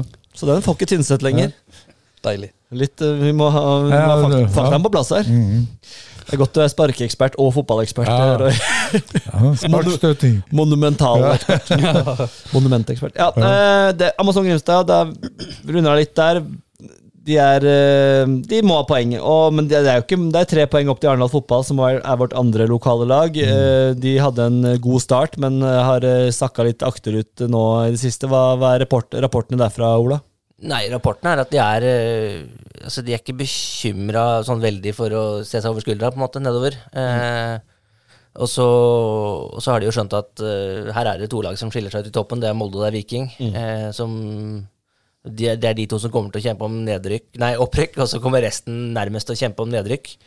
Eh, så er det da håper man da at man kan være såpass, eh, såpass god at man skiller seg liksom litt ut fra den aller verste nedrykkskampen. Men det er bare fire poeng ned for Arendal òg, så du skal vinne noen kamper på vei inn her. Eh, men eh, han godeste Remi Nattvik kom et interessant poeng som jeg egentlig ikke hadde tenkt på. Det var det at eh, eh, rykker Avaldsnes ned fra toppserien, så rykker vel det andre laget direkte automatisk ned uansett hvor de havner på tabellen.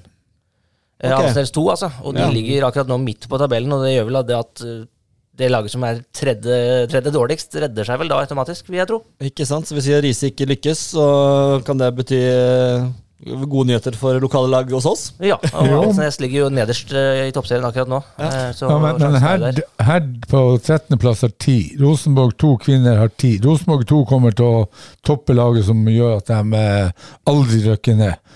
Og da har du eh, Amazon på 11, og så har du Arendal på 14. Og jeg blir jo litt uh, bekymra når jeg hører uh, trenerne til Arendal si at de ser seg ikke bakover. Uh, det må man alltid gjøre, ellers så kan man få en i ræva. Og, og, eh, og det, det er ikke bra.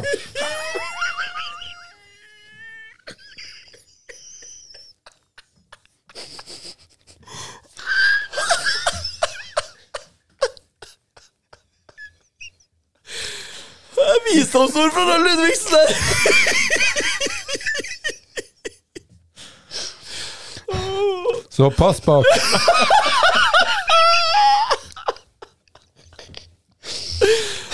Spruter tårene på Da må det Siglo renner og Nei da. Nei, de får de- Ja. Åh, Det er livets harde realiteter. Vi får bare Nå får vi bare hente oss Se inn. bakover. Vi får bare hente oss inn her. Ja. Nei, men Arendal fotball på, tropp, på, på spiller tropp. Spillertroppfronten, eh, Ola. Er det noe jeg, ja, Sorry, nå sliter jeg veldig med å prate, her, for er latteren sitter så langt framme her. Men er det noen utskiftninger på gang i denne stallen? Eh, som du fikk eh, beskjed om? Ikke så veldig det, Nei. det jeg klarte å, å få med seg her. Han er mest glad for at de nå får uh, Malene Haugen tilbake fra skade og Lisbeth uh, Rothschild tilbake fra graviditet. Ja. Eh, eller å få barn. Tilbake fra graviditet, ja. ja, så det, det Det er to viktige spillere, det. Nettopp. Og Det- den styrkestallen. De kan bety poeng, de. Ja da. Ja, da. Og, ja, og han håper, eh, håper at de skal forbedre seg offensivt, hvor han har savna litt eh, Litt i den eh, berømte frispillingsfasen. Eh, at de har vært litt dårlige på det. ja. så Gode, gamle frispillingsfasen. oh yes. Arendal møter Frigg. Frigg ligger rett bak, så det blir også en viktig kamp fra for Arendal den 12. Mot, eh, hjemme på Norak mot eh, Frigg. Så det blir spennende. Så må vi jo bare nevne at Amazon slo Arendal i eh, Sørlandsderby der i, i sommer. 1-0. Kaja Wilson avgjorde, tidligere Arendal-spiller. Fra Grimstad. Fra Grimstad, ja. Det var sterkt. Og det, To- den eh, ja. 224 tilskuere der. Ja, det Ja, det er kommer seg. Det kommer seg. Jeg har lært et triks av min gode kamerat uh, Ørjan Kronheim. Jeg vet ikke om jeg har delt det her på podden før, men det er jo eh, Vi har vært på et par Amazon-kammer og kikka litt, og tar med ungene. Så får de en hundrelapp her, og så kan de gå fram og tilbake til kiosken, og så så har, har vi barnepass et par timer der. Ja. Det er triks. Anbefales til alle som har små unger. Det er noen lekeplasser der, og ja, Ørjan har jo lært det der. Ja, ja. Så det er bare å gi en hundrelapp der, så får du noen vafler og noe kaffe og Ja. Så det er triks. eh, triks. Vær så god, gratis ja. barnetips, eh, Thomas. Det er notert. Det er noen år til kanskje du kan gi dattera noen hundrelapper, men Så eh, går vi til andredivisjon for herrer. Der har det blitt et eh, gap mellom eh, Egersund og Arendal fotball. Arendal tapte mot Notodden, de spilte uavgjort mot eh, Treff, vel. Um, og her er nå seks poeng bak direkte opprykk Egersund, Uh, men ikke bare det. Eh, bak lusker Jan Halvor Halvorsen og Lyn. De er kun to poeng bak, med to eh, kamper mindre spilt. Mm. så her Det brenner et litt blått lys for opprykkstoget Arendal fotball. Er dere, dere må også ta i betraktning at Notodden har egentlig 27 poeng. Mm. De har mista tre poeng pga. Økonomi, økonomisk rot. Så de har 27. Så Notodden eh, en liten dark horse bak der. Så, så eh, men han, han, Roger sier at de må bare konsentrere seg om seg sjøl, og hadde jo en sterkt eh, Jeg så den kampen Vålerenga 2 mot Arendal 0-3 eh, borte i Oslo. Den syns jeg jo var sterkt av Arendal. Men det virker som at Egersund har eh, tatt ett steg ekstra. Det var det vi sa før sesongen. Når de fikk ny trener der. Der må jeg bare hylle oss selv litt. Mm. Ny trener, de, på de har vært litt sånn kjent for å choke litt. Mm. nå ser det ut som toget går, altså. Ja, og, og Lyn eh, også der, ikke sant. Eh, Nå sa jo du, eh, Bjerke, at du, du eh, hengekamper, det er ikke gitt at du tar de poengene, men si nå at de tar én seier av de to, to de har, så er de oppe på 30 poeng og er forbi Arendal. Ja, ja, ja. Så, så her blir det et rotterace eh, innover eh, i, i høstsesongen. Eh, og Notodden og her, her er det fire lag som, som jeg tror kan eh, Og, og vinner Lyn begge de kampene, da, som de fort kan gjøre også, Ja. så er de fire poeng foran. Og da er du ikke på kvalik engang. Nei. Nei, så det blir, viktig, blir viktig for Arendal å få en god start nå og fortsette den. De har vant jo fire av de siste fem før Ja. et, etter tapet for Notodden. Spilte uavgjort mot Treff, og så er de Brattvåg hjemme i Ja, første. poeng. Så er det borte mot Fløy, og så kommer Egersund hjemme. Og uh, uka etter Ja, Lyn borte. borte. Mm. Og da er i løpet av de, de, de uh, fire første kampene Mm, så kan mye være avgjort. mye være avgjort, faktisk. Mm. Og da kommer vi kanskje litt tilbake til uh, situasjonen i Arendal i forhold til litt utenomsportslige ting som, som kan uh, bli eh, utfordringer i 2024. Ja, for det må vi bare ta når vi prater om Arendal her også, er jo dette med sponsorsituasjonen. Og, og du skrev en sak på det, var det du Thomas eller Ola? Jeg husker ikke helt. Det var deg, Thomas.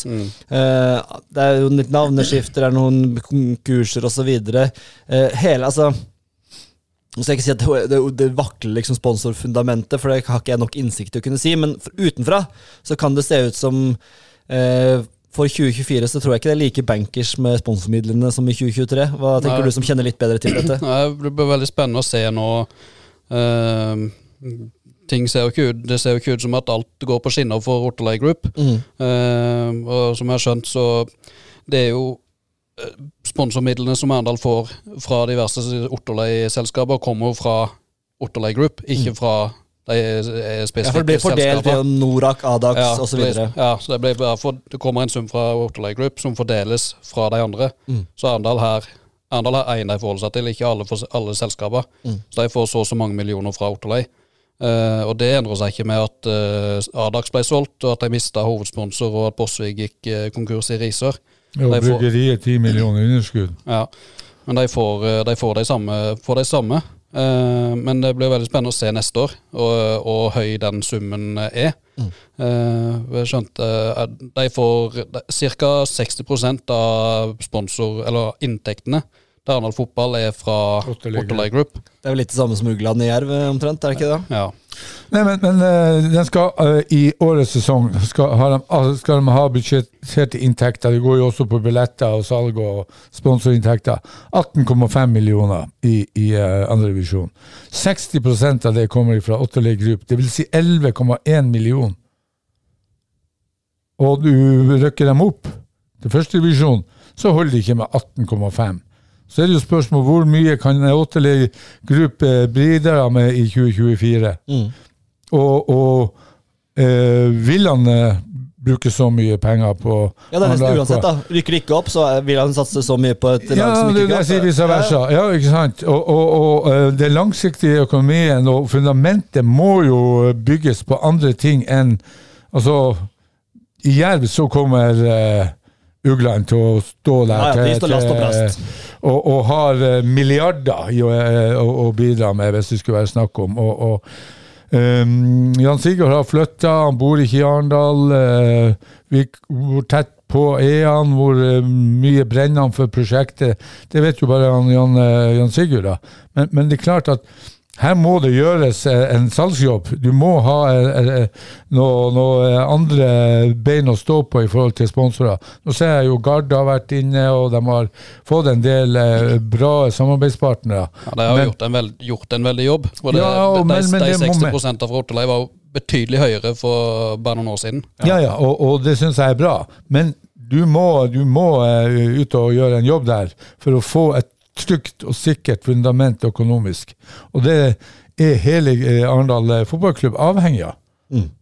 Ja, Det blir fryktelig spennende å se, se utviklingen her. Og så først og fremst sportslig nå, da, for oss. Mm. Hva, hva som skjer. Altså, jeg, Ja, men økonomi og sport henger sammen. absolutt. Og det ser ut som uh, Egersund uh, for øyeblikket ser for langt foran ut. Og kommer på andreplass, så blir det trolig Tromsdalen som ligger på en veldig klar andreplass i den andre avdelinga. Så um, vi, vi, vi- vi må følge det, og det er Jeg er skuffa over Arendal, jeg, så ærlig skal jeg være. Jeg trodde de skulle være bedre i år. Jeg trodde de skulle sanke flere poeng. Um, trodde de skulle fremstå litt mer, selv, altså litt mer sånn dominante, selvsikre enn det de har gjort. Um, så jeg, jeg må si det at uh, for meg så er det en litt overraskelse at de ikke har plukka flere poeng. For det før tidligere sesonger, så må du arrestere meg om jeg tar feil, Thomas, men så er det jo ofte et par lag som Moss og Arendal altså Det var lag som skilte seg ut. Eh, Men nå er det jo Kjelsås, Notodden, Lyn, Arendal, Egersund Altså flere lag som har tatt mye poeng, og Arendal har gitt fra seg mye mer poeng enn det jeg hadde trodd. Eh, For det er ikke det at Egersund har vunnet så sinnssykt mye, men eh, de har ikke eh, Arendal har gitt fra seg mye poeng, syns jeg. Ja, og det har vært i De, de tapene som de har hatt, de har vært uh, så veldig svake. Uh, bort mot Kjelsås i første seriekamp, der var jo en dårlig kamp. Eh, så tapte en 3-0 borte for Vard Haugesund. Det, og 0-3 for Notodden hjemme. Det er jo den dårligste kampen Arendal har spilt på Eller iallfall den første omgangen. Er det dårligste Arendal har spilt eh, nesten så lenge jeg kan huske, iallfall. Men, men de siste sesongene, er det ikke denne ustabiliteten som har liksom prega Arendal? Altså Det høyeste nivået er jo veldig høyt. Ja, Det er det ikke tvil om. Og, og, og den kampen mot Vålerenga, som stilte med et eh, kjempegodt lag, jeg syns Arendal var eh, meget, meget bra. Men så har du et bunnivå som gjør at eh, man sakker akterut. Når de er dårlige, så er de jo helt ræva. Og det er jo det som eh, jeg, føler at eh, man ikke har gjort nok, eh, en god nok jobb med i forhold til å få den stabiliteten på, det, på, på nivået som gjør at man plukker de eh, poengene som man skal mot eh, Ja, sånn som mot Notodden hjemme og den biten der. Altså, man skal ha Og, og har du ikke dagen, ta ett poeng, da. ja, helt rett. Og, og, og eh, har du ikke dagen, så skal du klare å krige inn en seier. Og det er jo den mentaliteten der med, med Altså, om Karstein Johannessen, gamle Start-trener, sa at sultne ulver jager best. Og, og det virker som kanskje at ikke sulten er sterk nok til å avgjøre de kampene som ligger og bikker. Og, og eh, ja, når, altså, 0-3 hjemme for Notodden, det er katastrofe. Savner de litt gærninger? Ja. Ja, det er for, ja, helt jeg Thomas. Det, det, Ja, ja, ja. Jeg savner den der eh, gale terrieren Ja, altså, som, du har som er overalt. Jeg, jeg skal ikke sammenligne med, med, med toppklassespillere, men, men alle lag må ha en Winnie Jones, eh, Roy Keane eh, ja, Sondre Trommestad. Sondre Trommestad. Ja, jo, jo, men lokalt er det- ja. Den, den typen. Ja. Og, og eh, når du har den type vinnere som, som eh, altså Se på, på, på eh, Haaland. da. Ok, han skårer tre mål, men han er faen ikke fornøyd, for han skårer, fire og fem. Og, og det her med å hindre mål, blokke, kaste seg inn, stå frem som noen ledere Ja, for Hvis vi ser på midtbanen, så har du Sverre Torp, du har Torp Salte, du har uh, Remme Berge, som er gode, kjempegode fotballspillere, men ingen av de slår meg som de der som hvis de skal blokke et skudd, så kaster de hodet først, på en måte. Eh, og det er kanskje noe som, som du sier, de gjør det at i de kampene de er svake, så er de veldig svake, for da faller ja, de litt sammen. Vi må ha noen Cyrus the Virus, ikke sant? Det, det, det, og Der savner jeg litt grann, der noen kan være den som trekker de andre etter, og er en, Ja. et, et, et bilde altså, We shall never surrender, sa han Sir Winston Churchill en gang i tida. Og Der savner jeg litt grann i, Arendal, eh, eh, per dags dato i hvert fall. Og du kan se mye om f.eks. Jerv-kaptein Mathias Wickman, da, som kanskje ikke alltid er kvikk nok, eller eh, altså, kan utfordre ham på en del ting, men det trynet hans når de taper og det går dårlig, og måten han på en måte kjefter og klik klikker, altså, rett og slett, eh, det er på en måte en en rolle som mangler litt i Arendal. Hvem tar den rollen når det går dårlig? Hvem er det som roper til eh, Sebastian Remme Berge at han må, ta, må gjøre noe forbanna enklere valg? Sebastian, liksom? Hvem er det som tar den robben? Ja, altså, det lurer jeg på. Jeg er helt enig, og, og, og det nytter ikke å stå på sidelinja og rope og skrike. Du må ha noen ledere ute på banen som tar det ansvaret, og klikker litt, som du sier, og kjefter litt, og, og, og, og aldri være fornøyd. Og det er, og, Hellum var vel litt sånn type, følte jeg. Hvis vi skal, da han var der, Men du, du har den fronten du har nå med Johansen, er ikke sånn type. Du har Hobbestad, som ikke er sånn type. Du har eh, Lilleløve, som ikke er sånn type. Eh, De tre på midten, til Preben Skeie, er jo en ledertype på ett vis, men ikke noe sånn som klikker, som er på en måte den der som hauser på banen, ser det ut som for meg. Eh, Bakover så er det Bergan, ikke sånn type, virker det som. Kan hende det er feil hva som er internt, men Cheng, eh, ikke sånn. På høyre bekk eh, har du jo hatt eh, Tillung eh, Fredriksen og Egil Johnsen. Ja. ja, men, Det, men, det, er ingen, det er ingen navn der som jeg tenker sånn Å, shit, han har vært redd for hvis jeg hadde gjort en dårlig kamp. ja, men det er også, du har jo et trenerapparat som kunne tildele tildele den. Du skal være den som er Cyrus the Virus der ute. Det er din rolle. Ja, jeg, det, det, jeg tror vi pirker borti noe som er litt eh, essensielt der i Arendal, men uh, nå sitter vi her bare og synser, og det kan godt Ja, hende ja, men det har vi jo lov til. det har vi lov til. Det kan hende på trening at uh, kanskje er Sverre Torp helt uh, gæren, men jeg ser det ikke helt for meg. Nei. Eh, men en som har imponert, er Mathias Johansen. Skåret tolv mål. eh, fortsetter å levere gode kamper. Han har 13 på 14 seriekamper, 13 var det jeg ja. sjekka? ja, det kan Mm. stemme, det. Fem på de siste fem. Eh, blir han værende i Arendal fotball, tror du, Roy? Altså, det er ofte sånn at toppskårer i andredivisjon Altså, fotballen forundrer meg ofte. Og jeg må jo si at eh, vi skal jo kanskje komme til klubben i Grimstad, men herregud, her leter de hele verden etter spillere. Så kan de gå over bekken og hente en. ikke sant? For meg er det jo eh, Sånn som Mathias har utvikla seg nå i, i år, og i, fra i fjor til i år, så er han jo soleklart en, en, alternativ for Jerv. Og det må skape interessen og gi han selvtilliten til å ta steget opp. Ja, eh, det er mulig at jeg er blåøyd, men, men eh, for meg jeg har jo jeg starter også. Hvorfor henter ikke Start eh, De starta jo bare henta folk som er skada hele tida. De har jo brukt fem, fem millioner på folk som bare går og halter. Mathias Johansen er jo han, Han er jo. Nei, han blir jo mer voksen hvert Ja, år, han ja. også. Det er jo det som på en snakka litt om. At måte Er han seriøs nok? Er han liksom den Ja, det er han også. I tillegg så har han jo lagt til seg en eh, alen i- til å være Han er blitt en god defensiv Ja, spiller. Ja, mm. Og så har han jo skjønt at eh, jeg må være en toveisspiller. Og han trenger, han trenger jo Cyrus the Virus ved siden av seg. da Ja, ja, Så får han ja. Ved siden av seg. Han har Ja. Mm. fått Wickman bak seg, som hadde på en måte ikke tolerert noe tullball. Så tror jeg han kunne absolutt levert i Jerv. Ja, nei, altså for meg Jeg, jeg blir jo eh, Vi snakka om økonomi i stad. Eh, her har jo Arendal et salgsobjekt som kan tilføre kanskje noen millioner i kassa på sikt. Men han må jo ville det sjøl, da. Vi, vi kan jo selge han her, men, men eh, Vi må ikke selge, selge Johansen før Bjørn Johannes Gutt. holdt jeg Nei, på å nei, si. nei, nei, nei ikke selge Johansen for Bjørnesgutt og skinnet er flott og alt det der. Hvor gammel er han? Hvor gammel er han? øh, Sju- 27. Han, er jo, han, er jo altså han har jo fem gode, fantastiske år for, foran seg som spiss. En spiss ifra De sier at eh, eh, beste alderen for en spiss det er fra han er 29 til han er 32. Ja. Og, og han har jo et, to år igjen å gå til det, da. Men, men eh, et investeringsobjekt, absolutt. Og han eh, kan spille til han er 3-4-35 år gammel. eh. De løper jo ikke så mye. Nei. Nei. Nei, Men det blir spennende, da. Han er vel på Han har vel bare en kontrakt ut året. Ja, ja. Ikke sant?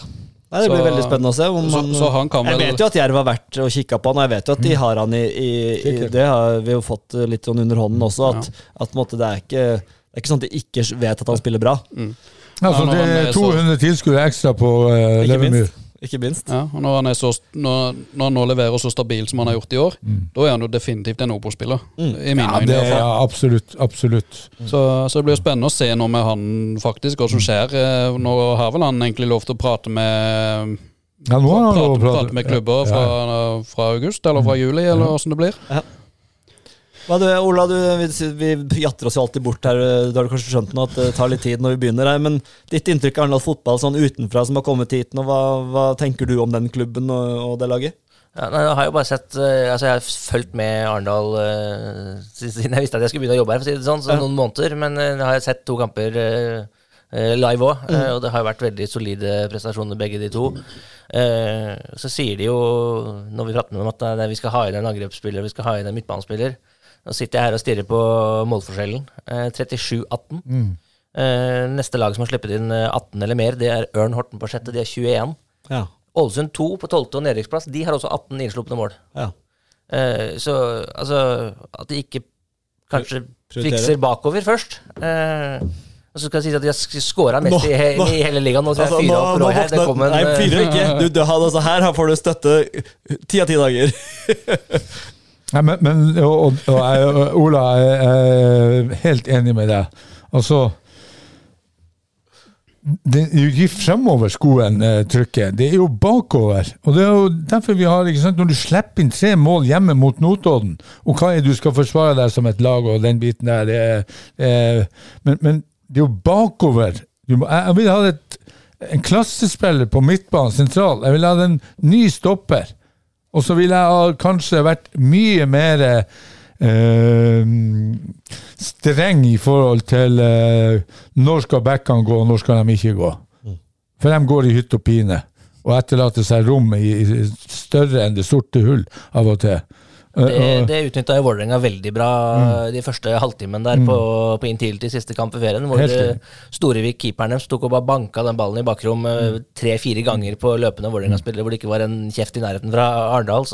Ikke sant? Og det, motstanderne vet, skjønner jo det der. Ja, ja, ja, ja, og de ser jo kampene, ikke til motstanderne. Så, sånn at uh, Ola, der, der, der skåra du et poeng, faktisk. Eh, jeg skal se på den nettsida di, det skal jeg gjøre. det er fint å høre.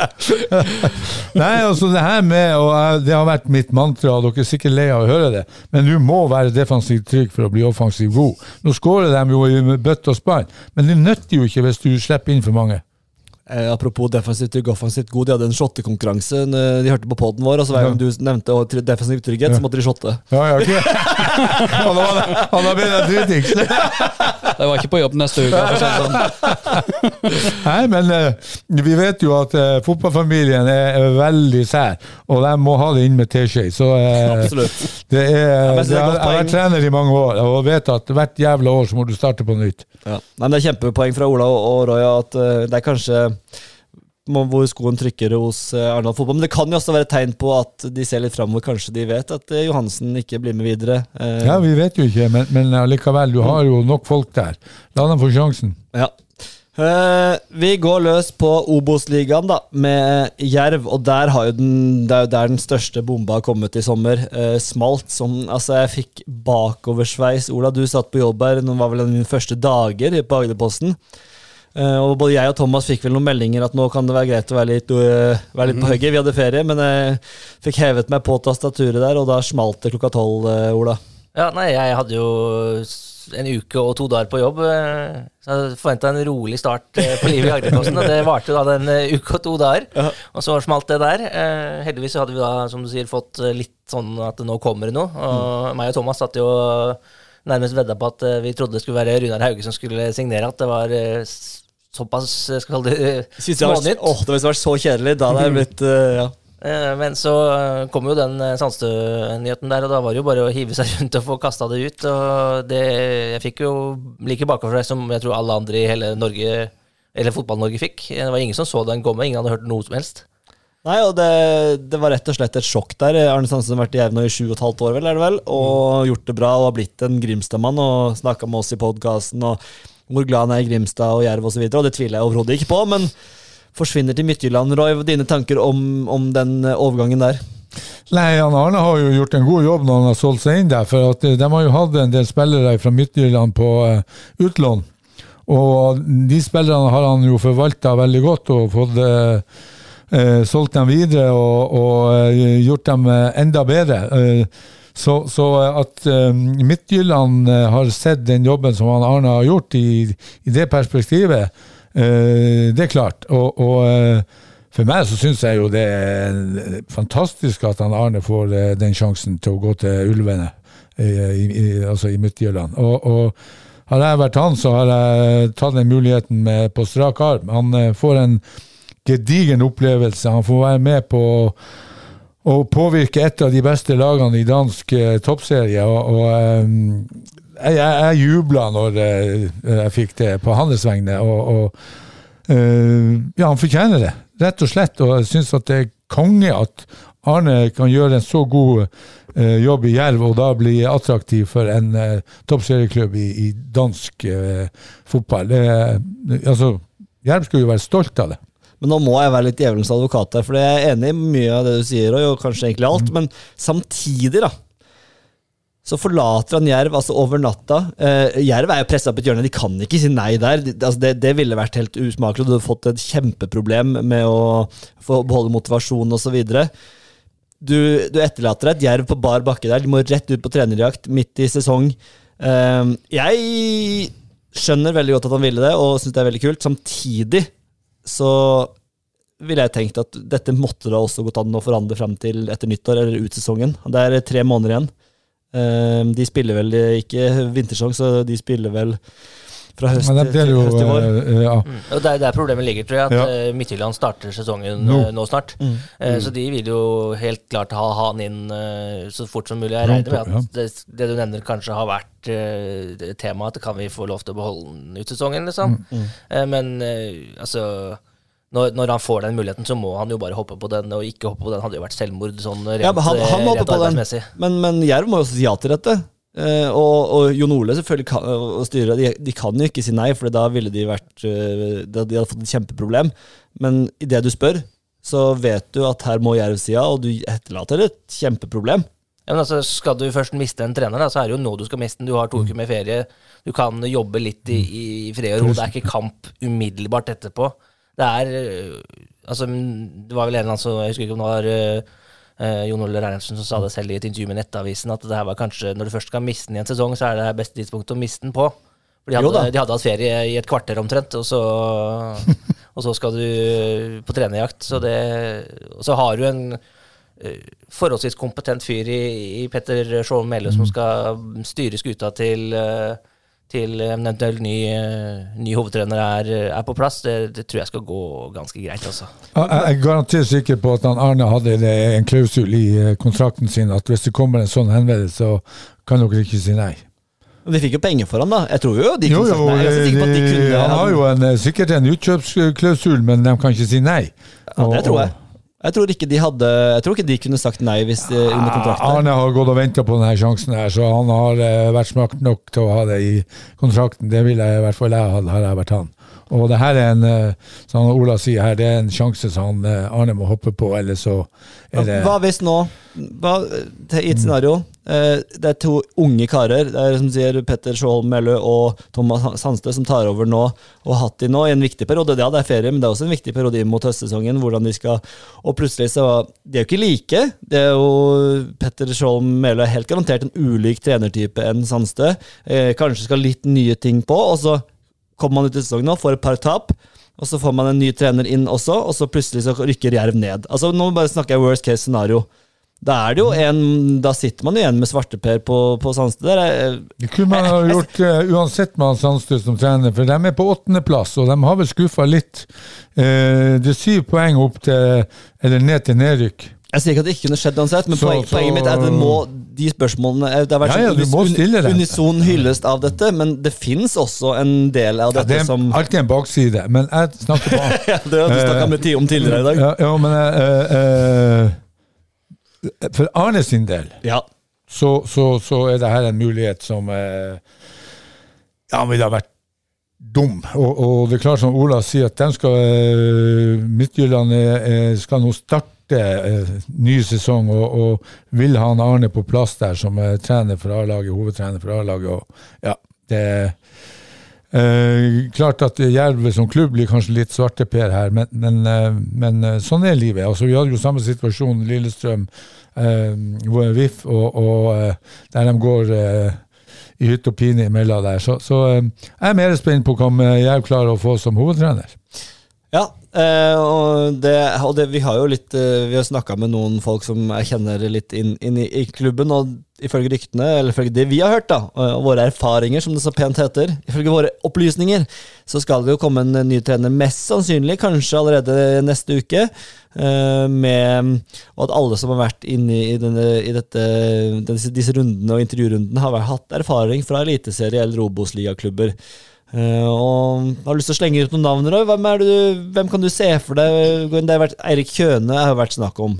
Eh, litt sånn Grorud-connection med Jon Ole. Nei, det det, håper jeg ikke blir av. Uh, uh, han er en ung, fremadstormende trener, men jeg tror ikke han er rett person for å overta ei skute som ligger midt på tabellen etter, eh, etter uh, halvspilt serie og etter han Arne. Jeg, som PR-messig og faglig, og ikke minst eh, ville ha vært et scoop, det var jo å få Fagermo til Sørlandet.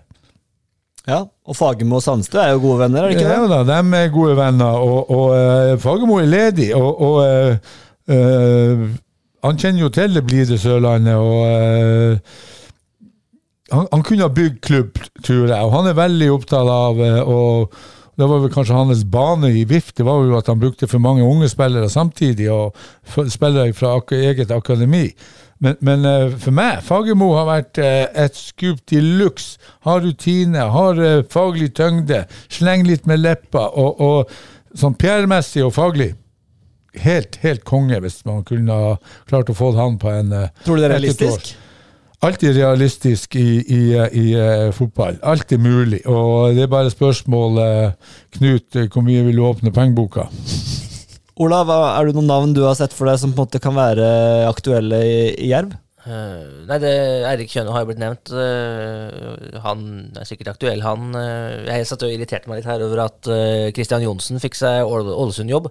Eh, han tror jeg kunne vært strålende i Jerv. Eh, har jo gjort mirakler med, med Raufoss. Eh, Tom Nordli er vel fortsatt eh, ikke fått seg en ny trenerjobb. Jeg vet ikke om han eh, har lyst til å være trener lenger heller, men det hadde jo vært eh, Da blir det sirkus. Ja, jeg, jeg må jo si altså, Du kan si mye om Tom Nordli, og mange har, sikkert, ja, mange har sagt mye, og det, men herlig så gøy det hadde vært å få Nordli på, på Jervhuset der. Ja, altså igjen, da, Jeg vet ikke hvor realistisk det er, akkurat, men det hadde jo vært veldig gøy. Eh, Reka? Eh, Ja, han tror jeg ikke gidder, eh, Nei, jeg helt ærlig. gidder, ja. Men eh, det hadde jo vært gøy, det òg. Sirkus der òg. Men Tom, Tom eh, må jo inn i fotballen hvis han har lyst. Jeg kjenner jo han godt. og, og eh, han, Jeg vet ikke hva han gjør nå, om han går på Nav eller eh, eh, Men eh, han ser jo helt 100 sikkert eh, etter eh, mulighet til å komme seg tilbake inn i fotballfamilien. Han skjøt seg jo litt skjøll i beinet med den Lillestrøm-saken. og Ja. Så, så, eh, men som han Ola sier, og som dere sier, det blir sirkus. Og så vet vi jo at han Tom eh, han varer i maks tre år i en klubb. Ja, ja. Da har han spist opp alle. Men han blir jo òg eldre. Forhåpentligvis også mer eh, klokere. Men, men, men han, er, han er krevende. Han tar enormt stor plass. Og altså han bestemmer hvordan strømpene skal vaskes, og hvilke, vaskepulver du skal bruke. Men sånn har jo Sandstø vært litt òg. Han har jo okay. vært litt ikke, ikke på det, men han har jo vært kongen på haugen på Jervhuset. Så du, du, enten så får du inn en ung spiller som på en måte blir en del av et sånn Eller så får du inn en ny Sandstø som har Han har jo altså du kan, Jon Ole og styret og sånn, selvfølgelig mye å si, men det er jo Sandstø som har vært kongen på haugen på Jervhuset. Eh, så det blir spennende å se om de velger en sånn type ny konge på haug, eller om det blir på en måte en litt annen en til Jon Arne Riise fra Avaldsnes. Jeg er så spent på type. Ja. Eh, liksom Fagermo, litt, litt samme greiene som Sandstø. Mm. Eh, egentlig veldig mye likt, eh, Ja, kanskje. jo, men Fagermo ja. Ja, så jeg er veldig spent på om det, om det er det de vil ha, eller om de vil ha, vil ha noe helt annet. For det, det er jo greit nok at de sier det med Svartbær, men hvis en snur på den òg, så, så er det jo en mulighet òg for Jerv. Mm, selvfølgelig. Og, og fornye seg. For han, har vært der lenge. Syv og et halvt år. Eh, Det er et kjempepoeng. Og, og, eh, men jeg tror Fagermo har lært uh, litt. Grann. Han sier, sier jo sjøl i et uh, veldig uh, en litt mer sånn dybde intervju at, at han eh, siste året her så ble han kanskje litt høy på seg sjøl. Og, og, og eh, har tatt lærdom av det, da. At man eh, kanskje skal uh, jekke seg ned to hakk. Eh, eh, så, så, eh, men ellers, eh, det er jo ikke mye eh, spennende ute og, og går. Og du ser jo Jeg tror nok de vil ha noen som har erfaring fra de to øverste. Jeg tror ikke de kikker i andredivisjon. Nei, det vil være veldig, veldig rart. I, Da kan du like så godt ha Petter Sjåholm, på en måte. Hvis de Nei, det blir eh, enormt spennende. Jeg håper det blir en med personlighet og sterk faglig tyngde, men også kan skape litt blest og litt eh, trøkk. At det ikke blir så kjedelig sørlandsk. er, det, er det noen assistenter i typisk eliteserie i Obos eller noe sånt, som har vært assistenter, som, som vil ta Ja, du har en i RIF nå, etter, eh, etter Fagermo. Ja, det har du selvfølgelig. Godeste Nordnes. Nordnes. Nordnes, ja. Ja. Ja. Det er ikke sikkert han er Han kunne vært sikkert aktør. aktuell. Han kjenner jo sikkert Sandstø godt, han òg. Ja, det er jo spørsmål om vil han sitte og jobbe der eh, med en uh, ny trener som får tredd over hodet. Det er jo ikke sikkert. Nei. Men uh, jeg prøvde å skal kalle det, finne fram litt uh, kandidater fra venstre her. eh, litt ute fra siden. Han eh, eh, Ole Martin Nesselquist, eh, Ja. tidligere Strømmen-trener, gjorde det ganske bra der helt til det ikke gikk lenger. Uh, Ja, han fikk jo mye ut av det Strømmen-laget. Mm, var, og eh, budsjettet og alt. var assistent i Viking. Nå er han vel eh, litt samme rollen som Sandstø har i Midtjylland, eh, ute på Island. Ja. Eh, spørsmålet er vil han komme hjem igjen, og er han interessant nok? på en måte, Men det var sånn et navn jeg tenkte kanskje, kanskje kunne være interessant. Men han er bare 30, så da er det litt eh, samme gata som uh, Skjolm Melø med, med, og, og Eirik Kjøne, med med unge folk eh, uten altfor mye erfaring eh, igjen, da. Men eh, Og de må jo se på hva er det Jerv har nå. Hvilken tropp har de jo? De har mange, de har mange spillere som ikke kan uh, snakke norsk, eh, som kanskje ikke snakker så godt engelsk heller. De har en tropp bestående av spillere som Sandstad, litt håndplukka, som på en måte har matcha hans filosofi av det han har tenkt. Uh, og så da må du ha en uh, Det kan hende, uh, det virker for meg utenfra, at du må ha en ganske stø hånd. Eh, Ganske tydelig type for å på en måte skulle ha denne troppen eh, i din hule hånd. Mm. Jeg tror han gir ganske klare tilbakemeldinger og sånn på garderoben, og, og folk vet hvor de er. Um, Ja, og, og, eh, og så, jeg tror ikke Jerv kan velge fra øverste hylle. For det som du sier, Bjerke, her, at det der er en tropp allerede. Og hvor stor grad har du muligheten for å påvirke den? Den kommer helt sikkert til å se på tabellsituasjonen. Altså, du legger jo hodet ditt på et fat. Enten går det bra, eller så går det ræva. Og da er liksom, Du skal jo bygge en CV her, eh, en eller annen, eller du skal forsterke en CV som trener. Så her er det mange, mange det er ting som spiller inn i forhold til uh, hvem ønsker å ta den jobben. Det er økonomi i det her. altså uh, Money talks. Hvor, hvor Lønning, ikke sant? Og, og, eh, så det der eh, Det påvirker også et trenervalg eh, når du skal eh, ut og jakte. Når jeg blir sittende og google bare trenere som jeg vet ikke har jobb lenger, Eirik Bakke er ledig, f.eks. Eh, bare for å kaste ut et navn. Ja. Eh, Ja, men jeg liker at du kaster, bare kast et navn. Ja, ja, det er veldig gøy. Eh, og det er som du sier, de kan ta over et lag hvor du har gode muligheter til å komme deg til kvalik, men du også tar over også et lag som har gode muligheter til å falle ganske kraftig ned på tabellen. Så det er klart det er en, eh, det er en spennende jobb. De får jo med seg Auklend da, ut sesongen, som forlenga lånet sitt. Det var viktig, Thomas. Veldig. Det var det, Ja, det er sånn som han har prestert, så, så hadde det vært et ganske stort tap på den midtbanen, rett og slett, å miste han nå. Så veldig, veldig bra å få han med videre. Ja, det var, eh, var viktig, og de er vel på jakt etter litt flere forsterkninger også, vil jeg tro. Men eh, jeg syns jo eh, ja, jeg, jeg tror jo at Jerv kan Jeg tror definitivt Jerv har en tropp som kan kikke seg oppover på tabellen, og ikke nedover. Ja. Det er sånn som jeg ser den troppen. Ja, De har henta Runar Haug òg i sommer. Ja. Hva, hva kommer han med, Ola? Kjenner du til han? Han kommer med det jeg veit, en litt rusten eh, kropp. holdt jeg på å si. Jeg har ikke spilt så mye fotball det siste halvåret, så vidt jeg vet. Var ganske god på lån i, i irsk eliteserie siste halvdel av 2022. Du fulgte med på det, du? Eh, ja, ja. Og så, eh, han er jo som brutter'n, eh, godeste Jens Petter Hauge, kant. Eh, liker å dra seg inn i banen etc., etc. Eh, så kan det jo bli noen mål hvis han får lov til å spille i den posisjonen. Så, Hvor går han, eh, det burde jeg jo selvfølgelig visst, sikkert, men høyre eller venstre beint? Eh, han er Venstrebeint, ikke sant? Jeg tror det mulig han er høyrebeint. Så da, hvis du får Pedro på høyre trekkes innover. Eh, Runar Hauge på høyre trekkes innover. Så er spørsmålet da, hva, hva slags formasjon blir man spillende med ny trener? Det var litt Det er et godt 3-5-2, eh, 5-3-2, eh, alt ettersom man ser det med, med Sandstø. Da, den treninga jeg var på, så ble Hauge brukt som høyre wingback, eh, så han kan jo spille der òg. Eh, Jeg tipper jo kanskje han brukte her at Torje Vikne har ikke hatt sin beste sesong, uh, vil jeg si. Men legger man om til noe 4-3-3-aktige greier, så er det jo mulig for han å være litt mer med offensivt i banen. Uh, Har dere hørt noe om skadesituasjonen? Hva skjer med um, vår kjære spiss? Eh, Hustad? Hustad, ja. Nei, jeg har ikke fått sjekka i sommer. Leandro Fernandes er jo svært aktiv på Instagram. Han er svært aktiv. Sier han er i nærheten av nå. Han ser jo ganske bra ut og Ja. fit ut. Eh, Ser eh, han både koser seg på fysiorommet og koser seg på bassengkanten. Absolutt. Jeg var kost meg litt. Jeg koste meg litt før her eh, før, var det før sommeren, hvor han hadde direktesending samtidig som Jervstad Ja. spilte kamp. Jeg var kanskje ikke helt heldig. Nei, men, men uh, Jerv og Start har jo slitt med skader. uh, så la oss nå håpe at de får uh, Iallfall Jerv får, uh, Nei, han må ikke dra med starten i det der. Får, får eh, troppen eh, skadefri. For eh, det har vært altfor mye skader i eh, troppen, og eh, har ikke fått stilt med sitt uh, presentivt eh, beste lag. Så eh, la oss håpe det. mot Sogndal var det også Samuel Pedro ute med et eller annet. eh, så får håpe det ikke er altfor alvorlig. Han var jo på benken, i hvert fall, så så gærent kan det ikke ha vært. Men eh, Jeg tror det det har er vært jo litt sånn krise hvis han nå også blir skada. Da har du jo ingen der. Det er bare godeste Syvertsen, da. Ja. eh, på topp. Og Sainche er jo Altså, jeg må så ærlig si at det er tynn suppe, altså. Jeg hadde håpet han skulle komme, men uh, han Kommer ikke. Det blir ikke noen stjernespiller av Jeremy Sanchez, det tror jeg i hvert fall ikke jeg. Nei, det blir ikke noe salgsobjekt. Nei. Nei, så vi, får, vi får håpe det kommer fire frisparkmål fra Augland etter hvert. Ja, ja, ja. ja. Jeg sitter jo, sitter jo og koser meg hver gang han skal ta frispark i nærheten av mål. Jeg sitter og håper at nå, nå må han sitte snart. Ja, det Ja, altså. han, han husker på det selv også, så Jeg sender meg rett tilbake til den første seriekampen mot Ranheim, når han fikk det frisparket fra 18 meter. Det var godt ikke det ble noe ut av det det, det, for da tror jeg var så, det var så spent at jeg hadde ikke fått noe skarpt bilde, iallfall. for eventuelt nye lyttere så lovte jeg å ta tatovering hvis uh, Ugland uh, skårte fire direkte frisparkmål. Ja, som, han, uh, som han meldte under kickoffen før sesongen. Blitt null så langt, og uh, det skal bøyes over den muren hver gang. Det er bare Bennan.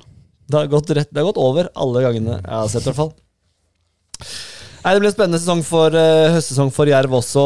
Ikke minst hvem blir trener. Ja, det er så mye som skjer. og det er jo en, Uh, Nå har vi gått gjennom eh, mine hovedpunkter, vi har klart det. Men uh, det blir en fantastisk høstsesong, og vi gleder oss til å ta alt videre. Men eh, vi har jo også en fast spalte, vi har ikke glemt den, kjære lyttere.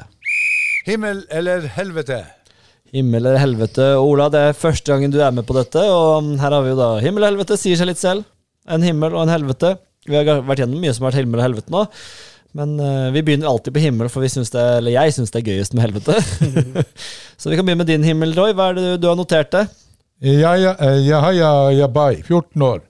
Midtstopper fra Grana, har deltatt på Equinor sin treningsleir i Porsgrunn. Ja, Mm. den er Og det er jo uh, Hva heter det for noe? Uh, ja Haya Yabai, og det er jo broren til uh, Cash. Cashew. Cashew Yabai. som spilte i Arendal. Ja, stemmer. Og Vindbjart og Cash, stemmer det. Og, og uh, får gode tilbakemeldinger og kan ifølge, ifølge trenerapparatet i, i Porsgrunn bli eh, eh, en meget god fotballspiller. Og midtstopper, eh, det vokser jo ikke på trær, som er spillende og har fysikk. Og har han uh, litt av broren sin og kanskje litt ekstra, så uh, blir det her spennende. Så for meg er det himmel. Fin himmel. Fin lokal fotballhimmel. Ola, hva er du, din første himmel? Det er den siste kampen til Hisøy før ferien der, mot Jerv 2. Eh, der Ifølge Facebooken dem så var det 400 stykker på kamp. Ah, Og det er eh, solid, altså, i, i fjerde divisjon. Eh, så det, det er alltid gøy når det er massivt publikum som møter på, på lokale kamper. Oh, yes. Nydelig åpningshimmel. Debuthimmelen der er nydelig, Ola. Veldig bra. Han har skjønt det nå. Han har skjønt allerede hva er, vi- hva er himler her. Absolutt. Thomas, din himmel? Ja, jeg, har, eh, jeg har noen, men vi har vært igjennom mye, så Ja. jeg kan bare begynne med Birkenes og Øystad sine, sine sesonger. Eh, og så syns jeg det er sinnssykt gøy i sjette divisjon at det er så jevnt i toppen der. Og det trodde vi jo ikke. Det var jo den divisjonen vel vi trodde at det skulle bli minst jevnt. Ja. Og så er det så tett. Uh, sykt gøy. Og Vegårshei, som fikk sin første seier. Eh, etter at jeg var der oppe, så er jeg blitt litt svak for Vegårshei, rett og slett. Det er lov. Altså, det, det er så nydelig der oppe. Altså, Vi er såpass subjektive at vi, vi, kan, vi kan ha et hjerte for bunnlaget i sjette divisjon. Det skal vi få lov til. Jeg er helt, helt enig. Det, de, de, eh, kan tenke meg at de hadde ei kjempefeiring etter en seier å slå, de sør. Ja, jeg skjønte den kampen den var blinka ut eh, så fort terminlistene kom i tillegg, og så får den første seieren. Det var, det var. Slag om Østre Agder der. Ja, det var, det var gøy. Det kunne fått himmel navnet Slag om Østre Agder. Eh, jeg har, også, jeg har nevnt, mange av de du nevner, har jeg nevnt også, men jeg har en ting som er i min himmel, som er litt sånn stygg, da, men jeg syns det er gøy å kose meg veldig med startkaos. Jeg, da. Synes det er litt himmel. At, Det det, er så deilig, det. at ikke så sånn de sliter med å få ting på stell der også, og bare jeg, jeg koser meg med alt kaoset der, og så drypper det at nå skal Fandberg få sparken, og så, så fyrte Sandstø der når vi hadde podkast, og ble store overskrifter. Altså, det, var, det er så gøy! Og det er en himmel for meg når jeg kan bare myse litt over til eh, våre gode kolleger i FVN som gjør en kjempejobb med å dekke dette kaoset. Eh, all kudos til de.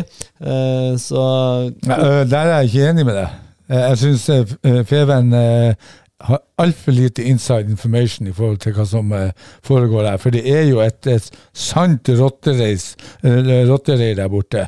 Det er jo, Du har jo noen fronter som står så langt ifra hverandre at de holder på å ete hodet av hverandre når de ser, og så står de frem som at eh, vi, vi er uenige.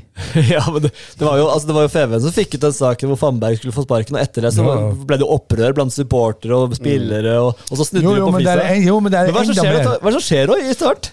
Jeg, jeg, jeg kan si så mye om det, men ikke eh, Men det er klart at det er noen sterke personligheter her ute og går.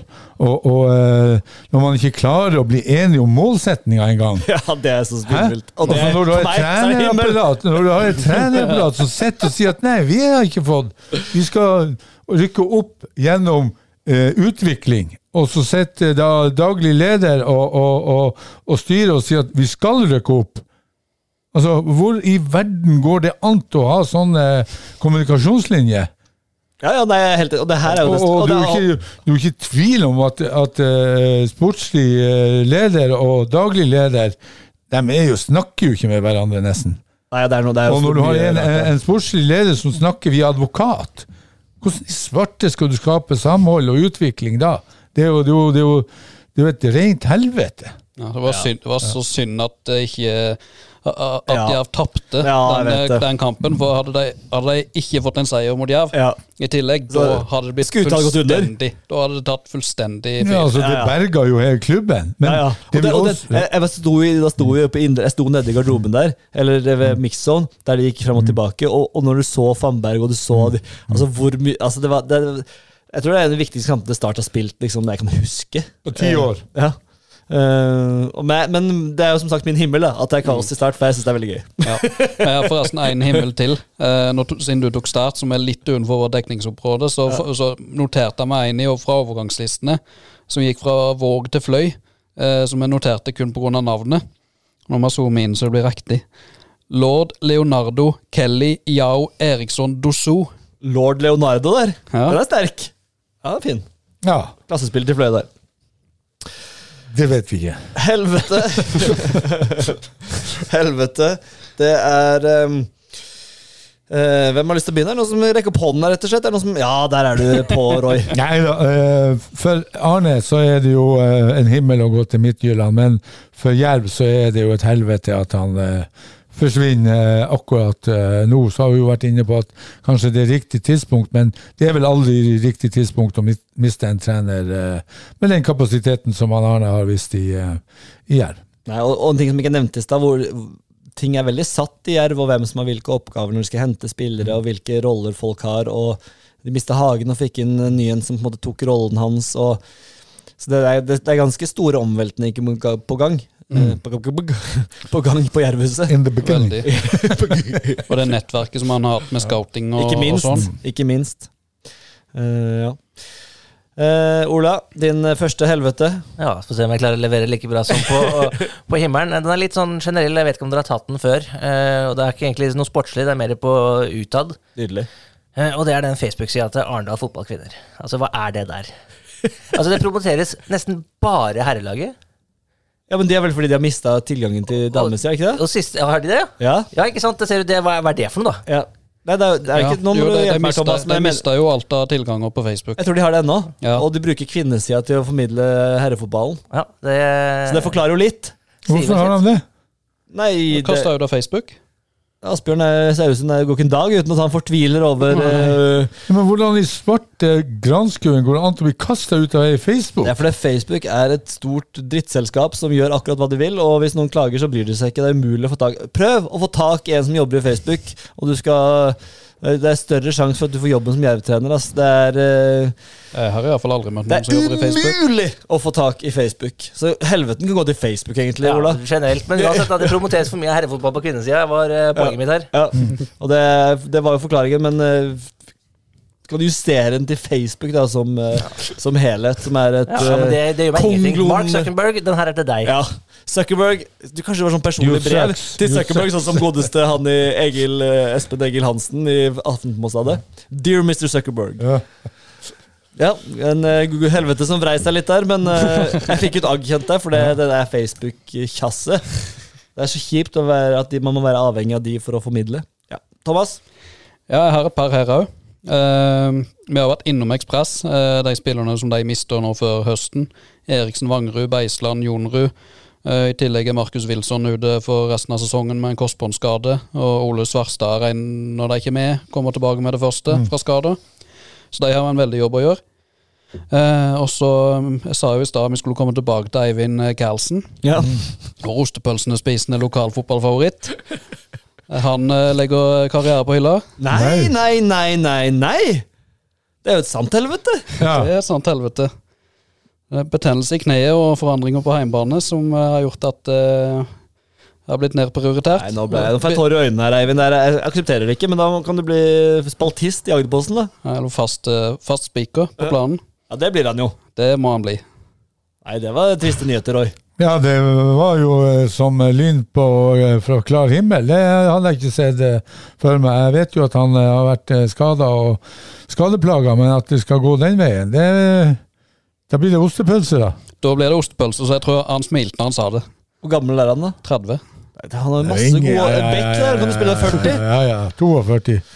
Nei, det var, ja, ja, eh, helvete. Ja. ja, det var en ekte helvete, det. Kjelsen, du må Sånn tenke deg om. Jeg trodde du skulle ha sånn tullete Om at han har gått opp fire kilo med ostepølse. Eller... Eller, han har gått opp mer enn det, tror jeg. Så, altså, det er ikke tull. så Han, han, spiste, han spiste pizza fire dager på rad en eh, periode i sommer. Ja, ja, ja, ja, ja. Nei, Karlsen, du er alltid velkommen her i Agderposten, i hvert fall. Det er helt sikkert.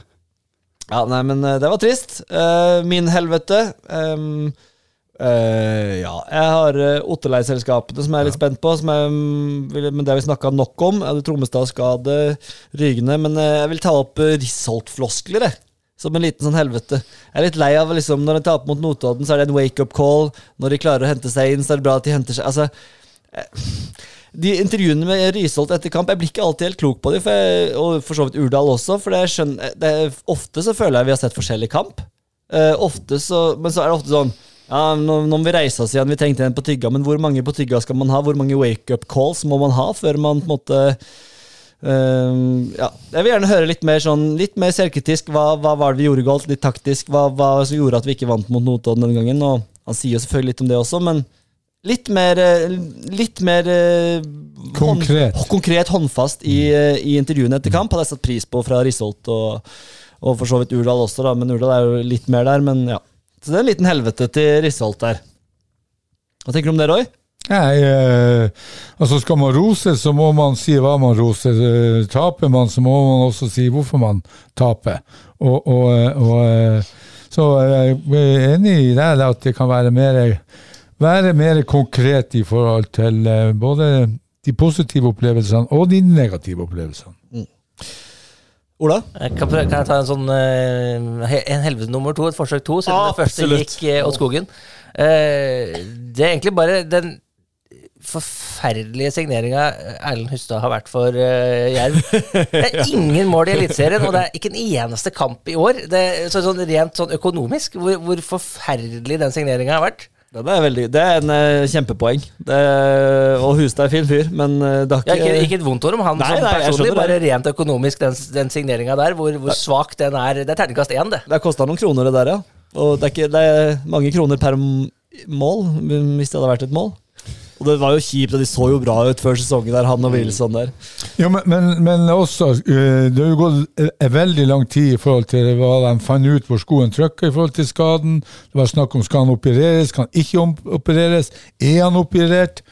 Eh, ja, det, jeg syns jo det gått veldig veldig lang tid. da. Det er så klart at det er mange skader som tar tid. Og, men det her om å finne ut om man skal opereres eller ikke, det må jo gå an å finne ut rimelig kjapt. Og det har jo Sandstø vært litt selvkritisk på også, og, og Jerv, måten når de henta spillere De har nok brukt litt for lite tid på skadehistorikk. Eh, på de, noen av de spillerne de har henta, Samuel Pedro, altså en del av de andre også, på en måte brukt litt for lite, lagt litt for lite vekt på skadehistorikk. Og det har Sandstø sagt, også, om han sa det på on the record eller off the record, det husker jeg ikke, men han sa det i podkasten òg. Ja. Han sa det, ja, men, men det er jo ekstremt viktig. Det å ha en skadestatistikk og, og det og oppfølging av skader, det er jo to, to, to ting som henger sammen. eh, Men, men Jerv har jo hatt ekstremt mye skader på frontspillerne. Ja, ja. Det er jo ikke å legge stikket under stol, det. Nei, og det tok de også selvkritikk på. Og som Olav Ola sier, det koster jo, det koster jo flesk. Og, og si at de nå henter eh, la oss si, to nye angripere da, eh, til. Eh, og så kommer jo alle de her som er skada, tilbake igjen på et tidspunkt. Da sitter du med ja, hva blir det, da? åtte angripere. Det, det går jo ikke. Nei, Og det er vanskelig å selge, selge videre da. Ja, det også, kan Noen kontrakter går ut eh, til vinteren. Jeg er litt usikker på akkurat det Ja, både, her nå. Både Hustad og Wilson er vel kontrakt ut året nå. Ja, Ikke sant? Det er ikke sikkert de blir fornya selv om de skulle klare å komme tilbake på banen i løpet av, i løpet av høsten. Mm. Så da forsvinner noen ut der, men fortsatt, da, du, du, det blir en lønningspose på noen som ikke, ikke Ja, ja, spiller. ja. Og medisinske regninger, vil jeg tro. Ja, Det er ikke gratis å ha Leandro Fernandes gående nedi der hvor, eh, på samme fysår som ja, ja. Ronaldo. Nei, jeg, jeg syns jeg, jeg får eh, spader når jeg tenker på det.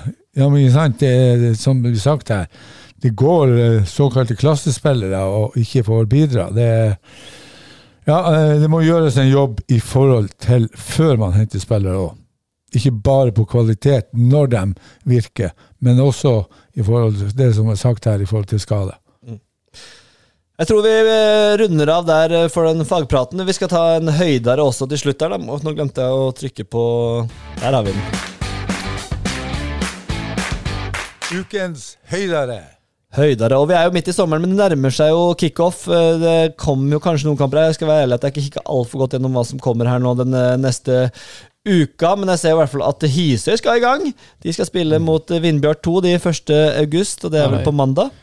Tirsdag, vel? Tirsdag. Ja, de tjuvsta- tjuvstarter litt, mens de andre lagene må vente til helga og uh, uka etter. Så da blir det ukens høydere for oss alle, da? Gjør det ikke det? Jeg har en uh, treningskamp okay. på mandag uh, på Norak. Grane Rygne Oi, Oi. klokka åtte. den er ikke dum. Men ellers så er det tynt i listene. Ikke sant. Uh, ja, Ja, vi har vel ingen denne uka. Det er jo neste uke det vi får uh, Ja.